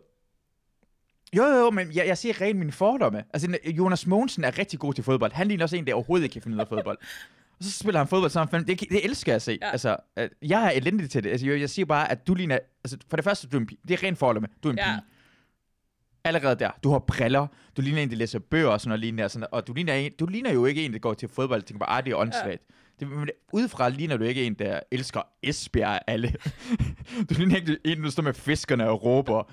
Seriøst, jeg skal altså, lige fortælle noget. Da jeg var på, altså sådan, som teenager, når jeg var på stadion med min far, ikke? Jeg sværger, jeg, ja. altså når jeg ser fodbold, så bliver jeg en anden. Jeg råber af dommeren, jeg råber grimme ting, og jeg råber nice. højt. Og jeg fik fuldvoksne ja. mænd til at vende sig om og være bange for mig, der var på stadion som teenager. Altså 100 procent. nice. Det er det. Det er mega fedt.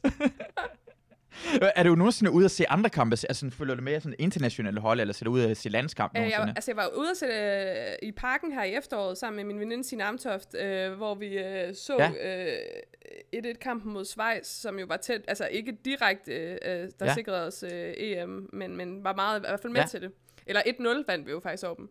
Øh, så ja, lidt Ja. landskamp en gang imellem, og så, altså, når Esbjerg spiller i, på Sjælland, ser jeg selvfølgelig de kampe, øh, og så følger jeg med til slutrunder Ja. og sådan noget, men, men problemet er jo, altså, det har jeg jo fundet ud af som voksen, man kan jo for fanden ikke følge med i alt i verden, og det er sådan, jeg føler bare, det at have et job og lave min podcast, det tager al min tid.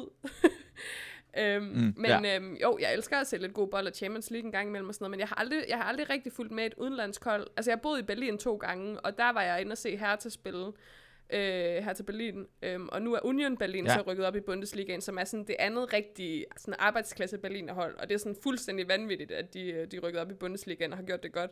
Og der vil jeg ønske... Jeg har været inde at se Uni- Union Berlin to gange. altså i Berlin. Jeg er Union Berlin-fan. Jeg er i Berlin. Jeg har været sine to gange, mens de var i anden Bundesliga. Ej, hvor fedt. Ja, fucking fedt. Det er noget af det fedeste, jeg nogensinde har oplevet. Deres fans er fucking... De elsker jo det. De har bygget den der klub. Mm, hvor, hvorfor er du fan af dem, eller sådan, hvordan er det opstået? Derfor jeg har en ven, øh, øh, som har en ven, øh, som kommer fra øh, Berlin af, fra Østberlin, og, og de har altid været fan af Union Berlin. Moren har været med til at øh, bygge stadion, fordi det er fansen, der har været med til at bygge stadionet jo. Øh, dengang de var i krise ja. Og sådan noget, fordi de ikke havde penge nok til det. Så, er fans, så det er derfor, så har jeg, så han blev fan af det, så jeg bare, du skal bare opleve Union Berlin. Og så har jeg gjort det.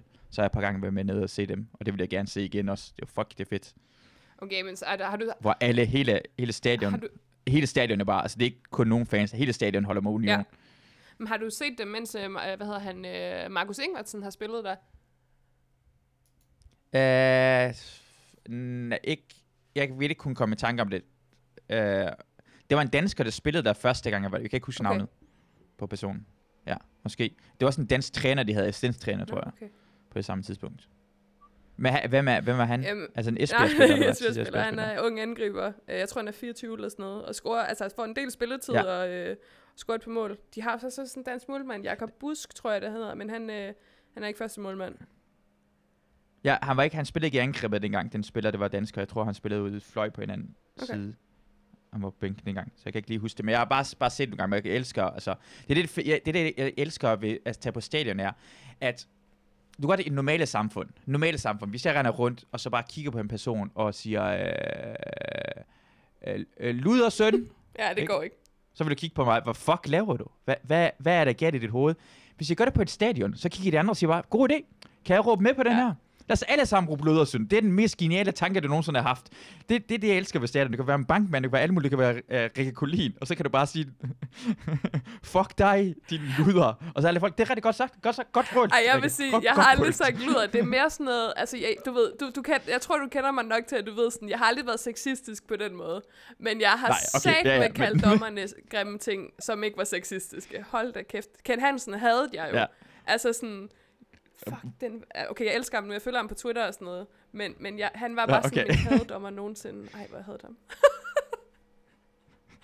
ja. Ja, ja, ja, jeg er heller ikke person, der har nogensinde sagt ludersøn eller noget andet. Jeg synes bare, det er sjovt, man gør det. Jeg, jeg er person, der bare siger, øh, øh, og så peger jeg på stedet, det er sket. Sådan, tror du ikke, alle folk er enige omkring, hvorfor, hvorfor står der folk og peger? Vi, er, vi ser samme ting. Ej, jeg har en er ikke som, at dommerne tvivler, hvor det skete. hen. Jeg har så god en historie med det der, netop det der med at være fodboldfan, fordi altså, jeg gik på efterskole, som var sådan en eliteidræts efterskole øh, i IKAST, hvor du ved, alle øh, drengene på fodboldlinjen, de spillede efter Midtjylland. Øhm, og så øh, på et tidspunkt, så skulle vi være sådan, øh, alle pigerne på fodboldlinjen og alle drengene på fodboldlinjen, vi skulle være fodbolddommere til sådan, øh, den lokale skole, de havde sådan øh, et fodboldstævne, eller sådan alle skolerne i IKAST. Øhm, og vi skulle så dømme de her kampe, og de her børn, de gik i sådan noget, du ved, 5. klasse, og vi fik sådan to kampe hver, vi skulle dømme. Og jeg var så dommer, og du ved, jeg fandt bare ud af der, at jeg ald- og jeg fik også respekt for at være dommer faktisk, for jeg fandt bare ud af, at det kunne jeg aldrig være, fordi hver gang der var frispark, så i stedet for at tage i fløjten, så råbte jeg bare sådan, hey! jeg, jeg var sådan, jeg var Ja. bare i min følelsesvold, jeg kunne sådan slet ikke dømme, Ja. det var så grineren. ah, ah. Igen, alle folk, godt sagt, godt sagt, du sagde, ah, jeg, jeg vil ikke sige det, men det er godt, du sagde, ah. og så er det dommer, for du skal have fløjten, man skal tænke på en helt anderledes måde. For de tænker jo højst sandsynligt også, ah! Og så tænker, når jeg skal lige have fløjten i munden, og så Præcis. et kort op. Ja, det er vildt, hvad den ikke har holdt. jeg, jeg, elsker, jeg elsker, når man ser fodbold, også, også når man ser sammen på... I, man peger også samtidig, når, når man ser en fodboldkamp på tv. Ja. Ja, ja. Så hvis der sker en fodboldkamp, så står alle folk op, og så peger de på tv'et. Det skete der! Det skete der! Jeg ved det godt, det er det samme. Jeg ki- vi kigger på samme fjernsyn. Bare sæt det ned. Du kan ikke pege på, det skete i fjernsynet hen. Det er fjernsynet, vi kigger på, din idiot. Fodbold, det er det, jeg elsker ved fodbold, for alle er Ja. idioter. Og det, det, det, det, det, for mig at sige, at det handler ikke om, det er en pige eller en dreng, der ser fodbold, der er. Normalt er det piger, men på grund af, piger går ikke op i fodbold. Men folk, der ikke går op i fodbold, de stiller spørgsmål. Og det værste, du kan gøre, når du ser fodbold, det er at stille spørgsmål. Mm. For det ingen ved noget som, som fodbold. Når du ser fodbold, går det ud på, at du bare siger ting, og den anden person siger noget andet, uden I hører efter, hvad den anden person har sagt. Jamen. Man siger sådan noget med, at ham der han er en rigtig god til at komme fra højre side af. Ja, ja, øh, forsvaret er bedre på det andet hold. Ja. Hvis du begynder at stille spørgsmål om, Nå, hvordan fungerer det der, eller hvorfor spiller ham der på den måde, så tænker man, hold din fede ja. Kæft. Det er ikke derfor sådan, vi ser fodbold. Du skal, ikke, du skal ikke komme med spørgsmål. Vi skal, alle skal være bedrevidende hele tiden. Ja, det er så og meget, folk skal det er ikke indbegrebet. spørgsmålstegn til bedre, bedrevidenhed. Ja, og det problemet er, det er derfor, øh, jeg tror ofte er det derfor, det er svært for kvinder at komme med på det. For det er os mænd, at vi er gode til at være bedre vidne mm. hele tiden. Og I er mere interesserede og nysgerrige omkring, og vi, I vil vide mere. Og det er fucking dumt. Det er ikke det, det går ud på. Jeg skal ikke prøve at vide mere. Jeg skal ikke prøve logisk at forstå tingene. Det er ikke det, fodbold går ud på. Det handler om at råbe nogle gange imellem, brøle sine følelser ud, og bare sige Ja. ting, som man ikke ved noget som, som ja, han burde have skudt der. Ja, det er rigtigt nok, han burde have skudt der. Hvor, hvorfor tror du, du er bedre end ham? Det. Hold op, hold din kæft. Men jeg synes også, Du skal ikke det spørgsmål er også til mig. det, der har været faktisk, øh, der var udfordringen i mange år, det der med, at jeg følte, at folk, hvis jeg var ude, jeg var rigtig øh, tit i starten for eksempel af min studietid ude at se fodbold med, med fem gutter fra min studie, og hvis en af deres venner så for eksempel ja. var med, som ikke kendte mig, så var han sådan, uh, okay, altså du ved, det der med, hans, så, øh, hans forudtagenhed af mig var, at jeg ikke skulle vide noget om fodbold, og det var jeg fucking træt af. Altså, Ja. du ved, jeg er bare sådan, jeg elsker at være øh, sammen med gutterne til bold og råbe og drikke øller, og sådan, da Esbjerg øh, fik bronze her sidste år, der var vi øhm, en, øh, en Mm. flok øh, mennesker fra Esbjerg, som var inde og se den på... Øh, på sport, hvad hedder den, Porters, Porters Pop, skulle jeg til at sige, Sport og Pop, øh, Pop og Sport i øh, Vestervoldgade, Ja. som er pisse dyrt jo. Altså, et fadøl koster sådan noget 52 kroner, det er så latterligt. Nå, det er en anden snak. Ja. Øhm, men du ved, bare at de sådan godt ved, hvem jeg er, de ved, at jeg er Esbjerg-fan altid har været det, og så den der sådan tryghed, der bare er i det der rum, det gør jo også bare, at du giver fuld gas, men jeg kunne godt mærke sådan tidligere, hvis man var et eller andet sted hen, altså det der med, at folk allerede sådan øh, forudtager, at du er en idiot og ikke ved noget om fodbold, det gør mig bare rasende. Altså sådan, det var så åndssvagt, men, men det gjorde ikke, at jeg havde lyst til at være bedre viden. Det gjorde bare, at jeg klappede i. Nej. Nå. Ja, ja, selvfølgelig, fordi det er irriterende, når folk gør det, fordi det, altså, det er også, ja. For det er det eneste grund til, at kigger på dig, det er bare, fordi du er en Ja. kvinde jo, så for det ved du ikke. og, og ved du hvad, det er ikke nogen, der ved noget som helst. Jeg ved ikke en skid. Jeg ved virkelig ikke en skid om fodbold. Jeg gør, selvfølgelig gør jeg ikke det. Jeg hører, hvad andre folk siger, så siger det nogle gange. Ja. det samme. Jeg har ikke forstand. Du, du, du ved 100%, for du har spillet rigtig Ja. fodbold. Ej, okay. Jeg, Men, men hvad skal man, hvad skal man, hvad skal man, hvad skal, altså det er bare åndssvagt, det sidder så mange folk, det, det hele går ud på, at vi laver noget, der er virkelig, virkelig mærkeligt. jamen, Vi vil bare få det ud. Hele ideen med at se på millionærer sparke til en bold, mens vi står og råber af den, det er fucking mærkeligt. altså, øh, min kæreste, han plejer at sige, at fodbold, det er, han, han hader jo sport. Altså, vi er jo så forskellige, som noget kan være. Han kan slet ikke klare fodbold, Ja. og tit så er han tvangsindlagt til at CFB sammen med mig. Og han kalder jo øh, fodbold og sådan krigsforberedende lege. Fordi at, Ja. ja. altså, og jeg kan godt følge ham i den der tankegang, altså den måde, man Mm. opfører sig på, og den måde, man ligesom sådan, her er fjenden, og her er vi og sådan noget, det giver totalt god mening. Men, men jeg bliver også bare nød, nogle gange nødt til at sige til ham, det er, altså, det er bare for sjov. Eller du ved sådan, de spiller bare fodbold, det er, altså ikke, det er ikke fordi, de Ja. skal i krig. Øhm, men, men han er sådan, den der, og, han, og jeg, jeg har ikke lyst til at overbevise ham om, at han skal se fodbold, eller elske fodbold. Det, det er jo smag og behag, ikke? Mm. Men det er fandme svært at være sammen med en, Ja. ja. som sidder ved siden af, og bare sådan er indestængt, men alligevel ser med. Men, hvor, Ja. Det er Ja. irriterende. Det er ligesom mig, der sidder og ser Harry Potter med en, der rigtig godt kan lide Harry Potter, og jeg bliver ved med at gøre nar af det hele tiden. Men jeg vil faktisk sige, altså det bedste, jeg nogensinde har prøvet, fordi du siger det der med, at jeg måske ved mere om fodbold end dig, det var på Twitter på et tidspunkt. Der var en Mm. dude, øh, altså jeg havde bare skrevet et tweet, hvor jeg skrev, øh, jeg tror det var Brøndby FCK, der spillede, og så skriver jeg sådan, Brøndby scorer i det sekund, jeg tænder, bliver klart hængende. Øhm, og så er der en eller anden øh, anonym troll, som skriver, kvinder, der lader som om, de forstår sig på fodbold. Og så retweeter jeg hans kommentar med følgende, og den har altså fået 1000 likes, eller sådan noget, den her, det her tweet. Jeg skriver, er kommet på et fodboldstadion, siden jeg var tre. fan af EFB siden 2000 med mailadressen efb underscore girl. Startede til fodbold, da jeg var 10, mm. var anfører på 17-landsholdet i 2008 til 2009. Har spillet i 3F-ligaen, og desuden lært min kæreste, hvad offside er. Men fortæl mere, Valter. Og du ved, det var bare så fedt nice. at sådan kunne fuldstændig lukke munden på en, der er sådan, øh, kvinder ved ikke noget om fodbold. Og man er sådan, du er så dum at høre på, altså. Ja, det der. Og, og, og, og ja, det, det, det, det er også bare, det er så fedt, du, du skal ikke engang lave en joke, eller skrive, du skal Ja, bare skrive, skal bare skrive mit hvem CV. du er, og så er det det. Ja, ja. Han har hopper direkte ind Ja. i fælden jo. Du, du, du, du vidste ikke engang, du har lagt din fælde, men værsgo. Den klapper lige nu. Du har gået ind i ja, alligatoren. Men, men, men det der med... Hej Christina. Christina er lige kommet tilbage fra købe ind. Ah, Hej Christina. Ikke? Ja, ja, ja. Uh, jeg hører det, det er ofte, når Christina laver noget, så hører, jeg, så hører jeg efter, hvad hun siger, og så glemmer jeg det med det samme. uh, så hun har fortalt mig, hvad hun skulle, og nu kan jeg mærke, åh, oh, det er åndssvagt, fordi jeg har fuldstændig glemt, hvad det er, du skulle, Christina. Og så følger mig også, men sådan er det. I dag, sådan, uh, om to dage, eller i morgen, skal vi til uh, Christinas mors Åh, kårebryllup. tillykke. Det var først for en uge siden, jeg fandt ud af, at det var kårebryllup. Jeg troede, det var hendes fødselsdag eller sådan noget lignende. Så stod og snakker med Mads og siger, hvad er det, skal jeg, jeg tror, jeg skal til hendes mors fødselsdag eller sådan noget. Så kommer Christina, kårebryllup. Nå ja, det er kårebryllup. En eller anden ting. Jeg har, ikke- jeg har ikke hørt efter. En Kæmpe idiot.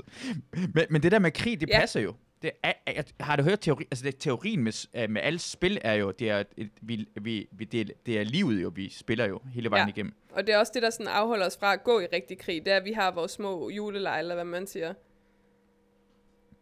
Ja, men vi forbereder os også på krig, jo, for det handler om at, altså ikke for men- mentalt omkring struktur, omkring, vi skal høre Ja. efter, og man skal gå sådan mentalt og alt det her ting, så det passer på en eller anden måde, for vi skal have det ud af vores krop, fordi mennesker er lavet på en eller anden måde til konflikt, ja. jo. Men det er jo sjovt, du siger det. Altså det Det- der med, mennesker er lavet til konflikt, men alligevel er vi så konfliktsky. Ja, Altså det er som om, at sådan, vi snakkede bare om det tidligere, det der med, at der er rigtig mange ting, man ikke har lyst til at tale om, så den måde, vi sådan angriber ja. Vores konflikter på, det er ved at udvise det fysisk, eller sådan, du ved, at sådan, det sådan, så, så hader vi noget, eller nogen, eller, se, eller måske tror jeg tit, at folk, det er også derfor, folk for eksempel er, tror jeg, altså det er min egen lille øh, sølvpapirshats-teori, det er også derfor, folk er mm. øh, racister, eller homofober, eller bange for alle mulige ting, altså det er jo fordi, at de ligesom har nogle andre ting, tænker jeg, som de ligesom ikke ved, hvordan de skal få ud, og så er det meget nemmere at tage nogen og hade på dem, i stedet for ligesom at deal med deres egne problemer, eller, eller ti- ting, de har ja. Været udsat for, ikke? jo, og jeg tror, jeg tror også, at det danske konfliktskyhed, det er noget af det værste. Ja. På grund af, at vi er ikke helt konfliktsky, vi giver ansvaret videre til de voksne. Ja, på den måde, at, at normalt, hvis, lad os sige, vores, ens nabo larmer lidt for meget, så går andre mennesker og sige, hey, du larmer lidt for meget, kan det ikke blive skruet ned? Så siger man, Nå, det er fint, okay. Den danske måde at gøre det på, det er at skrive en klage til ejendomsforeningen. Og så kommer klagen ind til naboen. Og så har de fået ja et det er advarsel. rigtigt. Vi går altid til det voksne, vi laver regler. Vi tænker, hvis der er for mange folk, der går på gade, eller en eller anden ting, i stedet for, så laver vi en regel omkring, ej, de, må, de skal gøre det på den her måde. Fra nu af skal folk gå, øh, eller hunde skal altid gå i snor, i stedet for at sige, jamen, hvis din hund ikke kan styre det, for hvis du er i Berlin, så går rigtig mange hunde Mm. løs jo. Uden snor, og det går alle steder, men det må ikke Danmark, for vi har lavet regler. Vi laver regler hele tiden, i stedet for at forklare folk, eller for folk til at kunne gøre selv, gå op til folk. Jeg var på kontor sammen med øh, komikere, og så øh, var der også en, der siger øh, på et tidspunkt, hey, skal vi ikke lave den her regel om, at vi skal lade være med at sådan larme fra det her tidspunkt, det her tidspunkt. Og så sagde jeg bare, kan du ikke bare gå op til personen og sige, kan du ikke bare lige skrue ned? Nu, du, du vælger at lade være med at tage konflikten, men så laver du en kæmpe større konflikt, for du laver nogle regler, for nogle gange mellem larmer vi lidt mere, og nogle gange mellem larmer lidt mm. mindre. Så bare tag det og sige, hey, kan du ikke bare lige skrue ned? Og jeg tror, at Danmark er virkelig dårlige til at tage den lille konflikt selv, og så giver vi det bare til den større. Ja, ja, jamen, altså igen, det er sådan, altså det er et folkesyndrom, eller sådan det, der kendetegner, det er den der konfliktskyhed, men det æder med også det der med, så laver vi en regel for et eller andet, eller sådan, så sætter vi øh, øh, nogle krav op, eller nogle begrænsninger. Ja, ja. Ja. Og det er så grineren, Ja. fordi samtidig, så er vi Helt- sådan, ah, ytringsfrihed, men alligevel, så er folk bare sådan millimeterfascister og sådan ligusterheks. Altså du ved, hvis mit træ Ja. hænger sådan en centimeter ind over din have, så, så er der bare krig, ikke? Ja. Ja, ja, præcis. Det er sådan helt åndssvagt. Det kan jeg slet ikke... Jeg bliver sådan, oh my god. Du, du, det er helt, det er helt åndssvagt. Det er helt, og folk er sådan hele vejen, og jeg, er- jeg er ikke en konfliktsky menneske. Jeg er på nogle måder, men jeg elsker også nogle gange imellem. Jeg, jeg, har, jeg er ikke bange for at sige min mening, hvor det ikke rigtig kræver noget. Og man kan bare se også, at folk bliver helt forskrækket, når man endelig siger sin Ja. mening til nogen. Altså, folk, der tager, fordi vi laver, hele tiden har vi, er folk passiv-aggressive også. Ja, det er en Og det folkesport. er, jeg had, det er noget af det værste. Jeg jeg, tager, jeg, jeg, jeg, jeg, jeg sidder for eksempel jeg sidder på, i toget på et tidspunkt. Jeg har Luna med, jeg spiser øh, pistachienødder. Sådan, øh, og de larmer lidt, når jeg åbner det op. Så sidder der to gamle kvinder over for mig, og så kan jeg se, at de snakker med hinanden og kigger på mig, og sådan laver sådan sure ansigter. Åh, oh, det er så træls, det larmer og sådan noget lignende. Og så kan jeg se, at de snakker omkring, jeg har øretelefoner i, så jeg kan ikke høre, hvad de bliver sagt. Og, så kigger jeg på den, og de bliver ved med at kigge på mig, som jeg gør noget mærkeligt. Så tager jeg øretelefonen sådan, øh, er der et problem? Så siger de, øh, nej, øh, nej. Så I står direkte og kigger på mig og peger af mig, og gør det her ting, for I er i gang med at spise. Så enten sig det til mig, eller så lad være med. Lad være med det her, for det er ubehageligt for os alle sammen. Og så sk- lave det der, ha, ha, og så kigger det væk og smiler, og tænker bare sådan, I er sådan fucking idioter, fordi I er gamle mennesker, der tror, I kan gøre det her ting, være passiv og Mhm. aggressiv, og jeg tror, en ung mand ikke vil sige Ja. fra. Men det kommer jeg kraften med til at gøre, for det der, der er noget Men pis. det er også, altså jeg vil sige, det var fair nok, hvis nu, at du sådan havde taget hovedtelefonen af, og så havde de sagt, vi synes bare, det larmer, vil du ikke godt lade være? Og du er sådan, okay, det vil jeg gerne. Men det er det Ja. der med sådan, at de så også Ja. undgår konflikten i det, som du netop siger. Det er jo sådan, Ja. okay, så kan man Ja. med heller ikke gøre noget rigtigt. Eller sådan, Ja, præcis. Bare sig det til mig i stedet for sådan, er der noget galt? Nej, det er det ikke. Sådan, lad, være, lad være med, for det er ubehageligt, det, det er her. faktisk, Og jeg, jeg er ikke bange for det er konflikter. en af mine yndlingsjokes, Natasha, hun har lavet, vores øh, fælles veninde, Natasha Brock. Altså det der med, du ved sådan, Ja. du er først en rigtig kvinde den dag, at du kan øh, sådan støvsuge og sprede dårlig stemning, men uden at sige noget samtidig med. Altså det er der, du er en rigtig kvinde. det er så fucking rigtigt. Ah, måske det er derfor. Jeg, jeg hader, når det bliver støvsuget omkring mig. Og jeg tror måske, det er det, min mor har været sur, når hun er støvsuget, Ja, da jeg var ja. yngre. Fordi jeg, jeg kan ikke være hjemme hos mig selv, når det bliver støvsuget. Og jeg føler, det ubehageligt, så jeg skal, jeg skal ud af lejligheden. Det er det. Det er fandme en god måde, den passive aggressive sådan støvsug rundt omkring. Fuck dig. Ja. Uh, jeg tænker på, har du, har du nogle gode råd? For du, du har lavet så mange podcasts, og jeg har virkelig ikke. Jeg har lavet sådan Paradise Fan podcasten. Uh, jeg, jeg, jeg, jeg klipper sjældent. Krigspodcasten er den, jeg klipper ja. allermest i. Uh, og så har jeg den her. Har du nogle sådan gode råd omkring at lave podcast? Jeg, jeg har mange gode råd, men det kommer lidt an på, sådan, altså, ja. øh, hvad for en slags det skal være. Altså, fordi folk er jo også sådan bare... Nogle gange så skriver folk, altså, hvordan kommer min podcast i iTunes? Og der er man sådan, prøv at google det. du ved, sådan. Ja. Øh, jeg plejer, det Med, med sådan gyldne regler, du har, sådan, du Ja. tænker på, det er meget vigtigt i Altså hvert fald. min regel, jeg har holdt øh, flere foredrag eller sådan lavet oplæg om podcast, og noget jeg sådan starter med øh, at sige til folk sådan, øh, når det handler om at gå fra sådan øh, fra at have en idé om, man vil have en podcast, til rent faktisk at udføre ideen. Altså det her med sådan fra, fra idé til koncept i virkeligheden. Så plejer jeg altid mm. At sige, at folk skal tage udgangspunkt i noget, øh, som de er passionerede omkring. Altså noget, de enten ved noget om, eller gerne vil vide mere om, eller bare synes er mega spændende. Fordi hvis man ligesom, altså sådan, hvis udgangspunktet for den, det, man laver podcast om, er noget, man slet ikke kan lade være med at lave noget om, så er det virkelig meget nemmere. Altså. Mm. så du ved, altså jeg tog udgangspunkt i Torkanalen, fordi jeg havde brug for at snakke om mine følelser. Øhm, fredagslik, fordi vi elsker at tale om slik, og vi diskuterer det hele tiden. Clown podcast, fordi jeg er stor fan af clown. Og det gør bare, at det er vildt sjovt at lave de her ting, fordi det er noget, jeg interesserer mig for. Så hvis man har sådan en idé om, okay, mm. Men det der hitter rigtig meget, det er, du ved, øh, sådan third year-agtige reportager, men man ikke er særlig god til det, eller man ikke har nogen sag, så er det jo enormt svært at komme videre. Men hvis du ved, at øhm, Mm. Du, du interesserer dig vildt meget for øh, ølsmagning, så kan det være, at man skal lave en ølsmagningspodcast, eller sådan en bryggeripodcast. Altså, så er det meget nemmere, fordi at du har mega meget passion omkring det. Så jeg plejer at sige sådan, tag udgangspunkt i noget, du interesserer dig for. Og jeg ved godt, det er sådan super simpelt råd, men det er bare, det er sådan en god test til, om det er noget, man sådan gider at øh, gøre på sådan en frivillig basis, eller bruge mange timer på, hvis man kan sige det på den måde. Mm. Ja, det er meget, ja. Fordi man kommer til at bruge meget Ja. tid på det. Og det kommer, man, kommer, man skal lære mere, og man skal blive bedre til det, og sådan noget, man kan nørde det hele vejen igennem. Ja. Uh, ja. Det er derfor, jeg lavede den her podcast, hvor jeg, karantænen begyndte, og så tænkte jeg, mm, jeg har udstedet det hjemme. Jeg ringer til Mads Holm. så det var rigtig gennemtænkt. Nå, men det har da udviklet sig. Hvad nummer afsnit er det her? Vi er da over i 30 i hvert fald. Er vi ikke det? jeg tr- jo, jo, det er nummer 37, udover at jeg har ekstra afsnit, jeg også har lagt op og sådan Ja. noget lignende. Uh, så det er måske over 40 i hvert fald afsnit, jeg har lavet. Så det, det er jeg rigtig ja. glad for. Jamen, du har været sindssygt produktiv. bedre til at snakke og sådan Ja, ja, jeg har brugt det her karantæne Det er sådan- virkelig godt. Jeg har virkelig haft travlt, men det var virkelig Du har ikke mere fedt. at snakke med Christina om, så du har ringet til alle dine venner. sådan, vil ikke godt snakke med Ja, præcis. Vi. Jamen, det er. Og så, og så er det fedt, fordi, jeg også, fordi normalt, fordi, hvordan, hvordan ville jeg kunne komme til at snakke med dig, for eksempel? For jeg synes, du er virkelig interessant, og jeg synes, du er virkelig sjov, og der er masser af ting, jeg vil gerne snakke med dig omkring. Men, men så skal man sådan, jeg må lige ri- ringe til øh, øh, Rikke. Det er Ja. en god måde. Så har vi allerede lært hinanden bedre Men at det er kende. jo også sindssygt interessant. Altså, Og- det du, du taber ind i der, det er jo sådan en voksen ting. Hvordan får man venner som voksen? Altså det der med, hvis der er nogen, du godt kan lide, som du følger med på Instagram, så er man sådan, er det for meget, hvis jeg spørger mm. dem, om de vil drikke en kaffe, men tror de, det er en date? Altså sådan, alle de der Ja. ting, jeg også ved, Katrine Blauenfeldt, hun har tænkt om dig. Ja, ja, ja. det er rigtigt, ja. Jamen det er præcis, men, men, men, men også med på den måde, at jeg synes virkelig, også den der, men, men jeg synes, men nogle gange imellem er det så mange folk, jeg synes, der er interessante, men de er ikke rigtig sådan noget kendte. Og jeg synes, kendte er ofte ikke mm. Interessante. Altså, jeg kan godt lide mennesker, der, vi- øh, der ofte er, er jeg, jeg vil kun snakke med mennesker, der er villige til at åbne sig også og fortælle om forskellige ting. Som du fortæller omkring din, du, øh, øh, din psykiske sygdomme, og hvordan du har haft det med din kæreste. Sådan. Det synes jeg er virkelig mm. Interessant. For det, så ved jeg godt, at jeg kan, jeg kan snakke med dig om forskellige emner, og du vil altid være ærlig. For det er så kedeligt, når folk stopper med ærligheden, for de tænker omkring deres, deres personer og alle det her ting. Fordi, ja, det, det, de gider jeg ikke. Jeg gider ikke engang høre podcast, når folk Nej. gør sådan noget lignende. Fordi det er ligesom, det er sådan en gammeldags interview i God Aften Danmark. Ja, men jeg tror også, Jeg finder, når og, man tænker bare lige på, det er jo også Ja. ja. noget, altså jeg har skulle øve mig i, det er jo også et valg, der er jo nogen, de er måske ikke særlig sådan åbne, og det er jo helt okay, men det er igen sådan, det er jo også, det er jo også noget, det er jo, hvad kan man sige, noget man skal træne. Altså, nogen har det jo bare, du ved, de snakker jo bare, som, som røven går og sådan noget, øh, og det gør jeg også. Men du ved, jeg har sgu også øh, øve mig i at sådan kunne sige, jamen, hvordan har man det rent faktisk, ikke?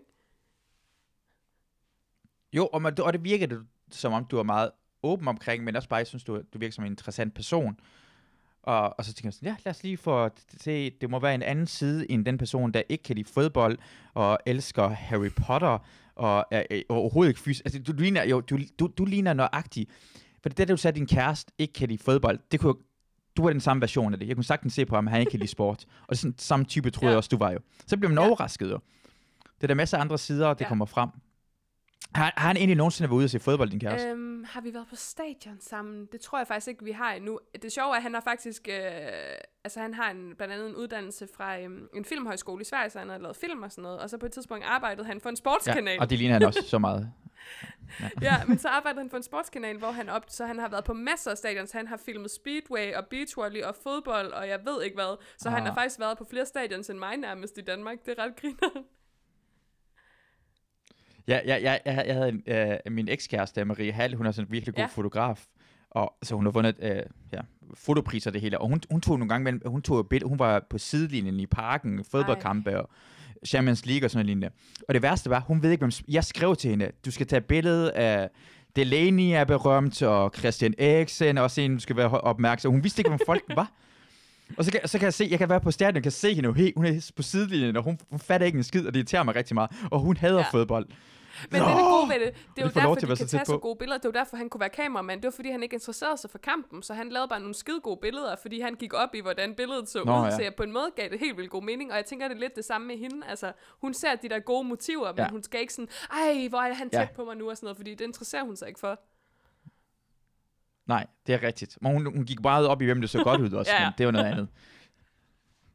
det er, så, han, men han har aldrig nogensinde siddet på stadion, for nogle gange, man, man sidder blandt fansene. Jeg synes, det har det der masse hysteri. Man kan ikke lade være med at blive sådan medtaget af alle folk, der råber, og man kan ikke, altså, man kommer ind i den der gamle hulemenneske-agtige stemning, hvor det, man mærker, hold kæft, man, det er åndssvagt det her, men jeg hader virkelig de andre, uden nogen Nej, grund. det tror jeg fandme ikke. Altså, vi skulle have været, han bor i Aalborg jo, øhm, og vi skulle have været inde og se OB Ja. Esbjerg her i sidste sæson. Øhm, og så på dagen, jeg Ja. ja. kunne bare mærke sådan, altså al energi var bare suget ud af ham, og så kigger jeg på mig og sådan, skal vi lade være med at tage afsted? Han er sådan, please, kan vi ikke godt blive hjemme? Så vi kommer aldrig afsted. Og det er fair nok, fordi jeg Nå. har med med tvunget ham til at se fodbold mange gange på en skærm, ikke? Men det er Nej. bare ikke det samme. Nej. Det er ikke det samme. Når man sidder på stadion, så går man ja. Altså, min, jeg har haft min mor ind og se VM i fodbold, og der var hun helt oppe at køre. Det er fandme også fedt. Jeg var at se Iran mod Portugal i VM 2006. Jeg hende som første skave. Hun var bare, Wow. ja, helt oppe at Ja. køre. Sådan 65 år i dag. Det er sådan så fedt at se. Jeg kan huske, mit hjerte var sådan, jeg, jeg bankede så hårdt, jeg var ved at Ja. dø af det. For det er sådan, åh, jeg skal sige Ja. Iran og sådan noget. Men det er det, men når man sidder på stadion, den her følelse, det er bare så anderledes, den sådan hulemenneskeagtig noget. Så jeg vil næsten anbefale, at alle folk skal sidde blandt Ja. publikum på den måde og sådan mærke, for det, det er fandme... Jeg, jeg holder med Brøndby, bare du ved det. jeg ikke. Ja, jeg holder rigtig meget med Brøndby, og jeg kan huske i 2003-4 sæson, der var Esbjerg ret gode, for jeg boede sammen. Ja, Ja. 3-4, ja, den, den sæson, jeg boede sammen med en fra Esbjerg, jeg, der var værnepligtig, Ej. og han gik meget Det var jo en god sæson. Det var jo øh, Ja. 1-6 sæson. Øh, det er jo... Øh, den, Den Ja, præcis. Ja, kamp. det- jeg kan huske det. Fuldstændig. Det var Frederik Bavlunds Ja, det var, ret, Ej. det var lige efter Ja, vinterpausen. prøv, at- den sæson var så vanvittig. Det var jo vores bronzesæson, og vi skulle jo have vundet guld, men fik så øh, kolde fødder til sidst, ikke? Men det var den første Ja. sæson, eller sådan første gang, øh, hvor jeg også var i parken. Det var i efteråret, hvor vi skulle spille mod FCK, og jeg har aldrig været i parken, og jeg var sådan 11 år gammel, ikke?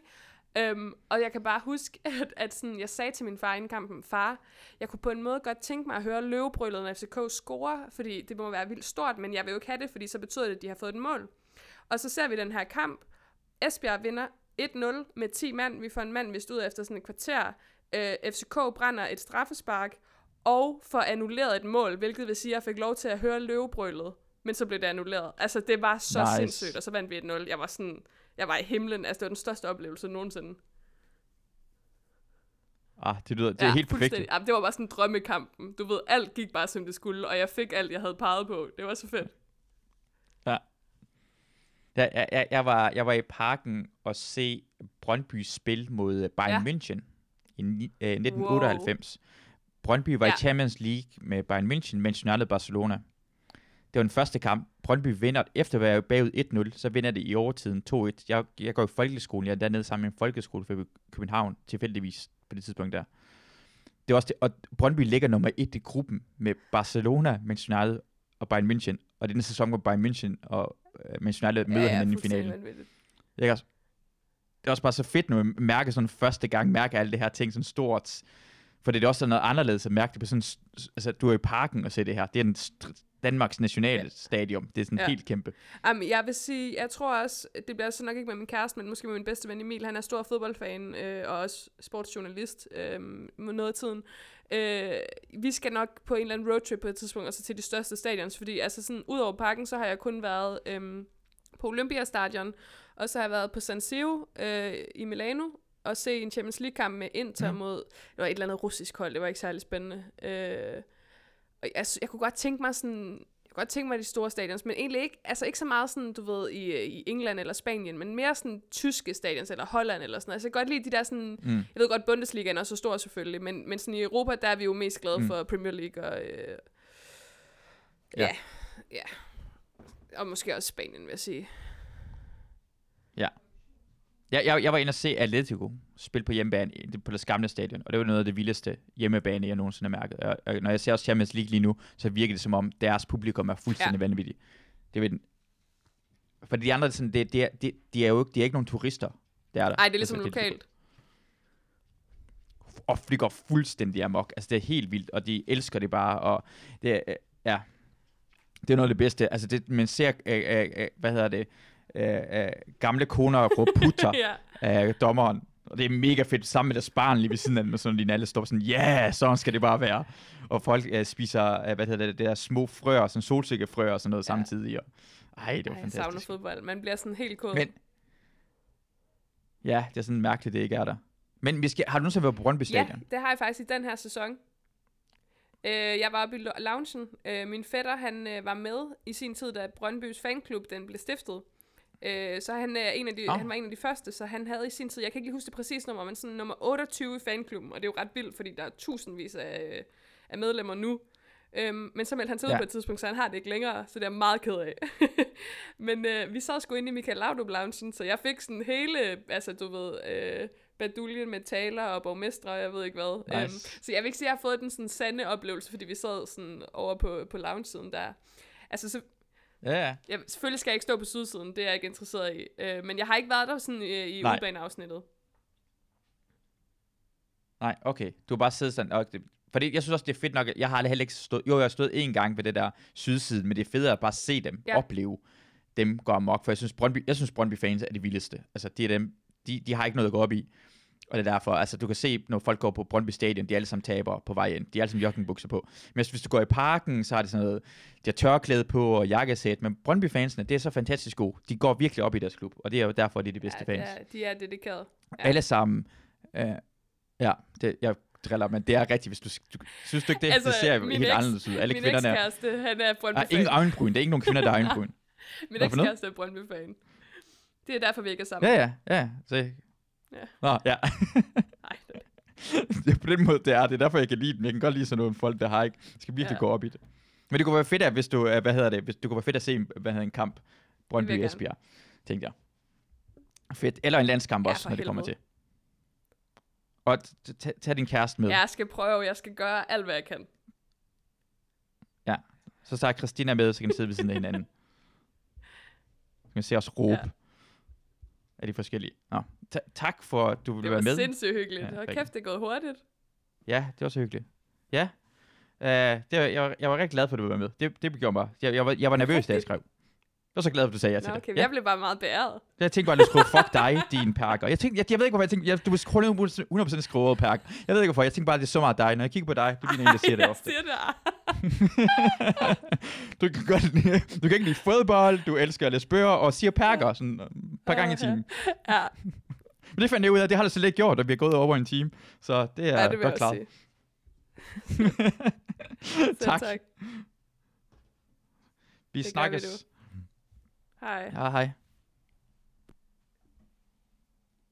Oh, det, var, det var dejligt, at hun vil gerne være med. Og for resten, så jeg tror bare, hvis du går ind på Instagram og ser øh, under Rikke Kolin, øh, Rikke, så Kolin, C-O-L-L-I-N, så kan man se alle hendes forskellige øh, podcast. Øh, øh, ja, Torkanalen, Clown Podcast, Fredagsslik, og ja, hun laver X-Factor podcasten, og ja, hun laver rigtig meget. Hun er rigtig dygtig.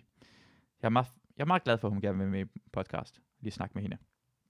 Så tak til Rikke, og tak for, at I lyttede med. Vi høres ved en anden gang.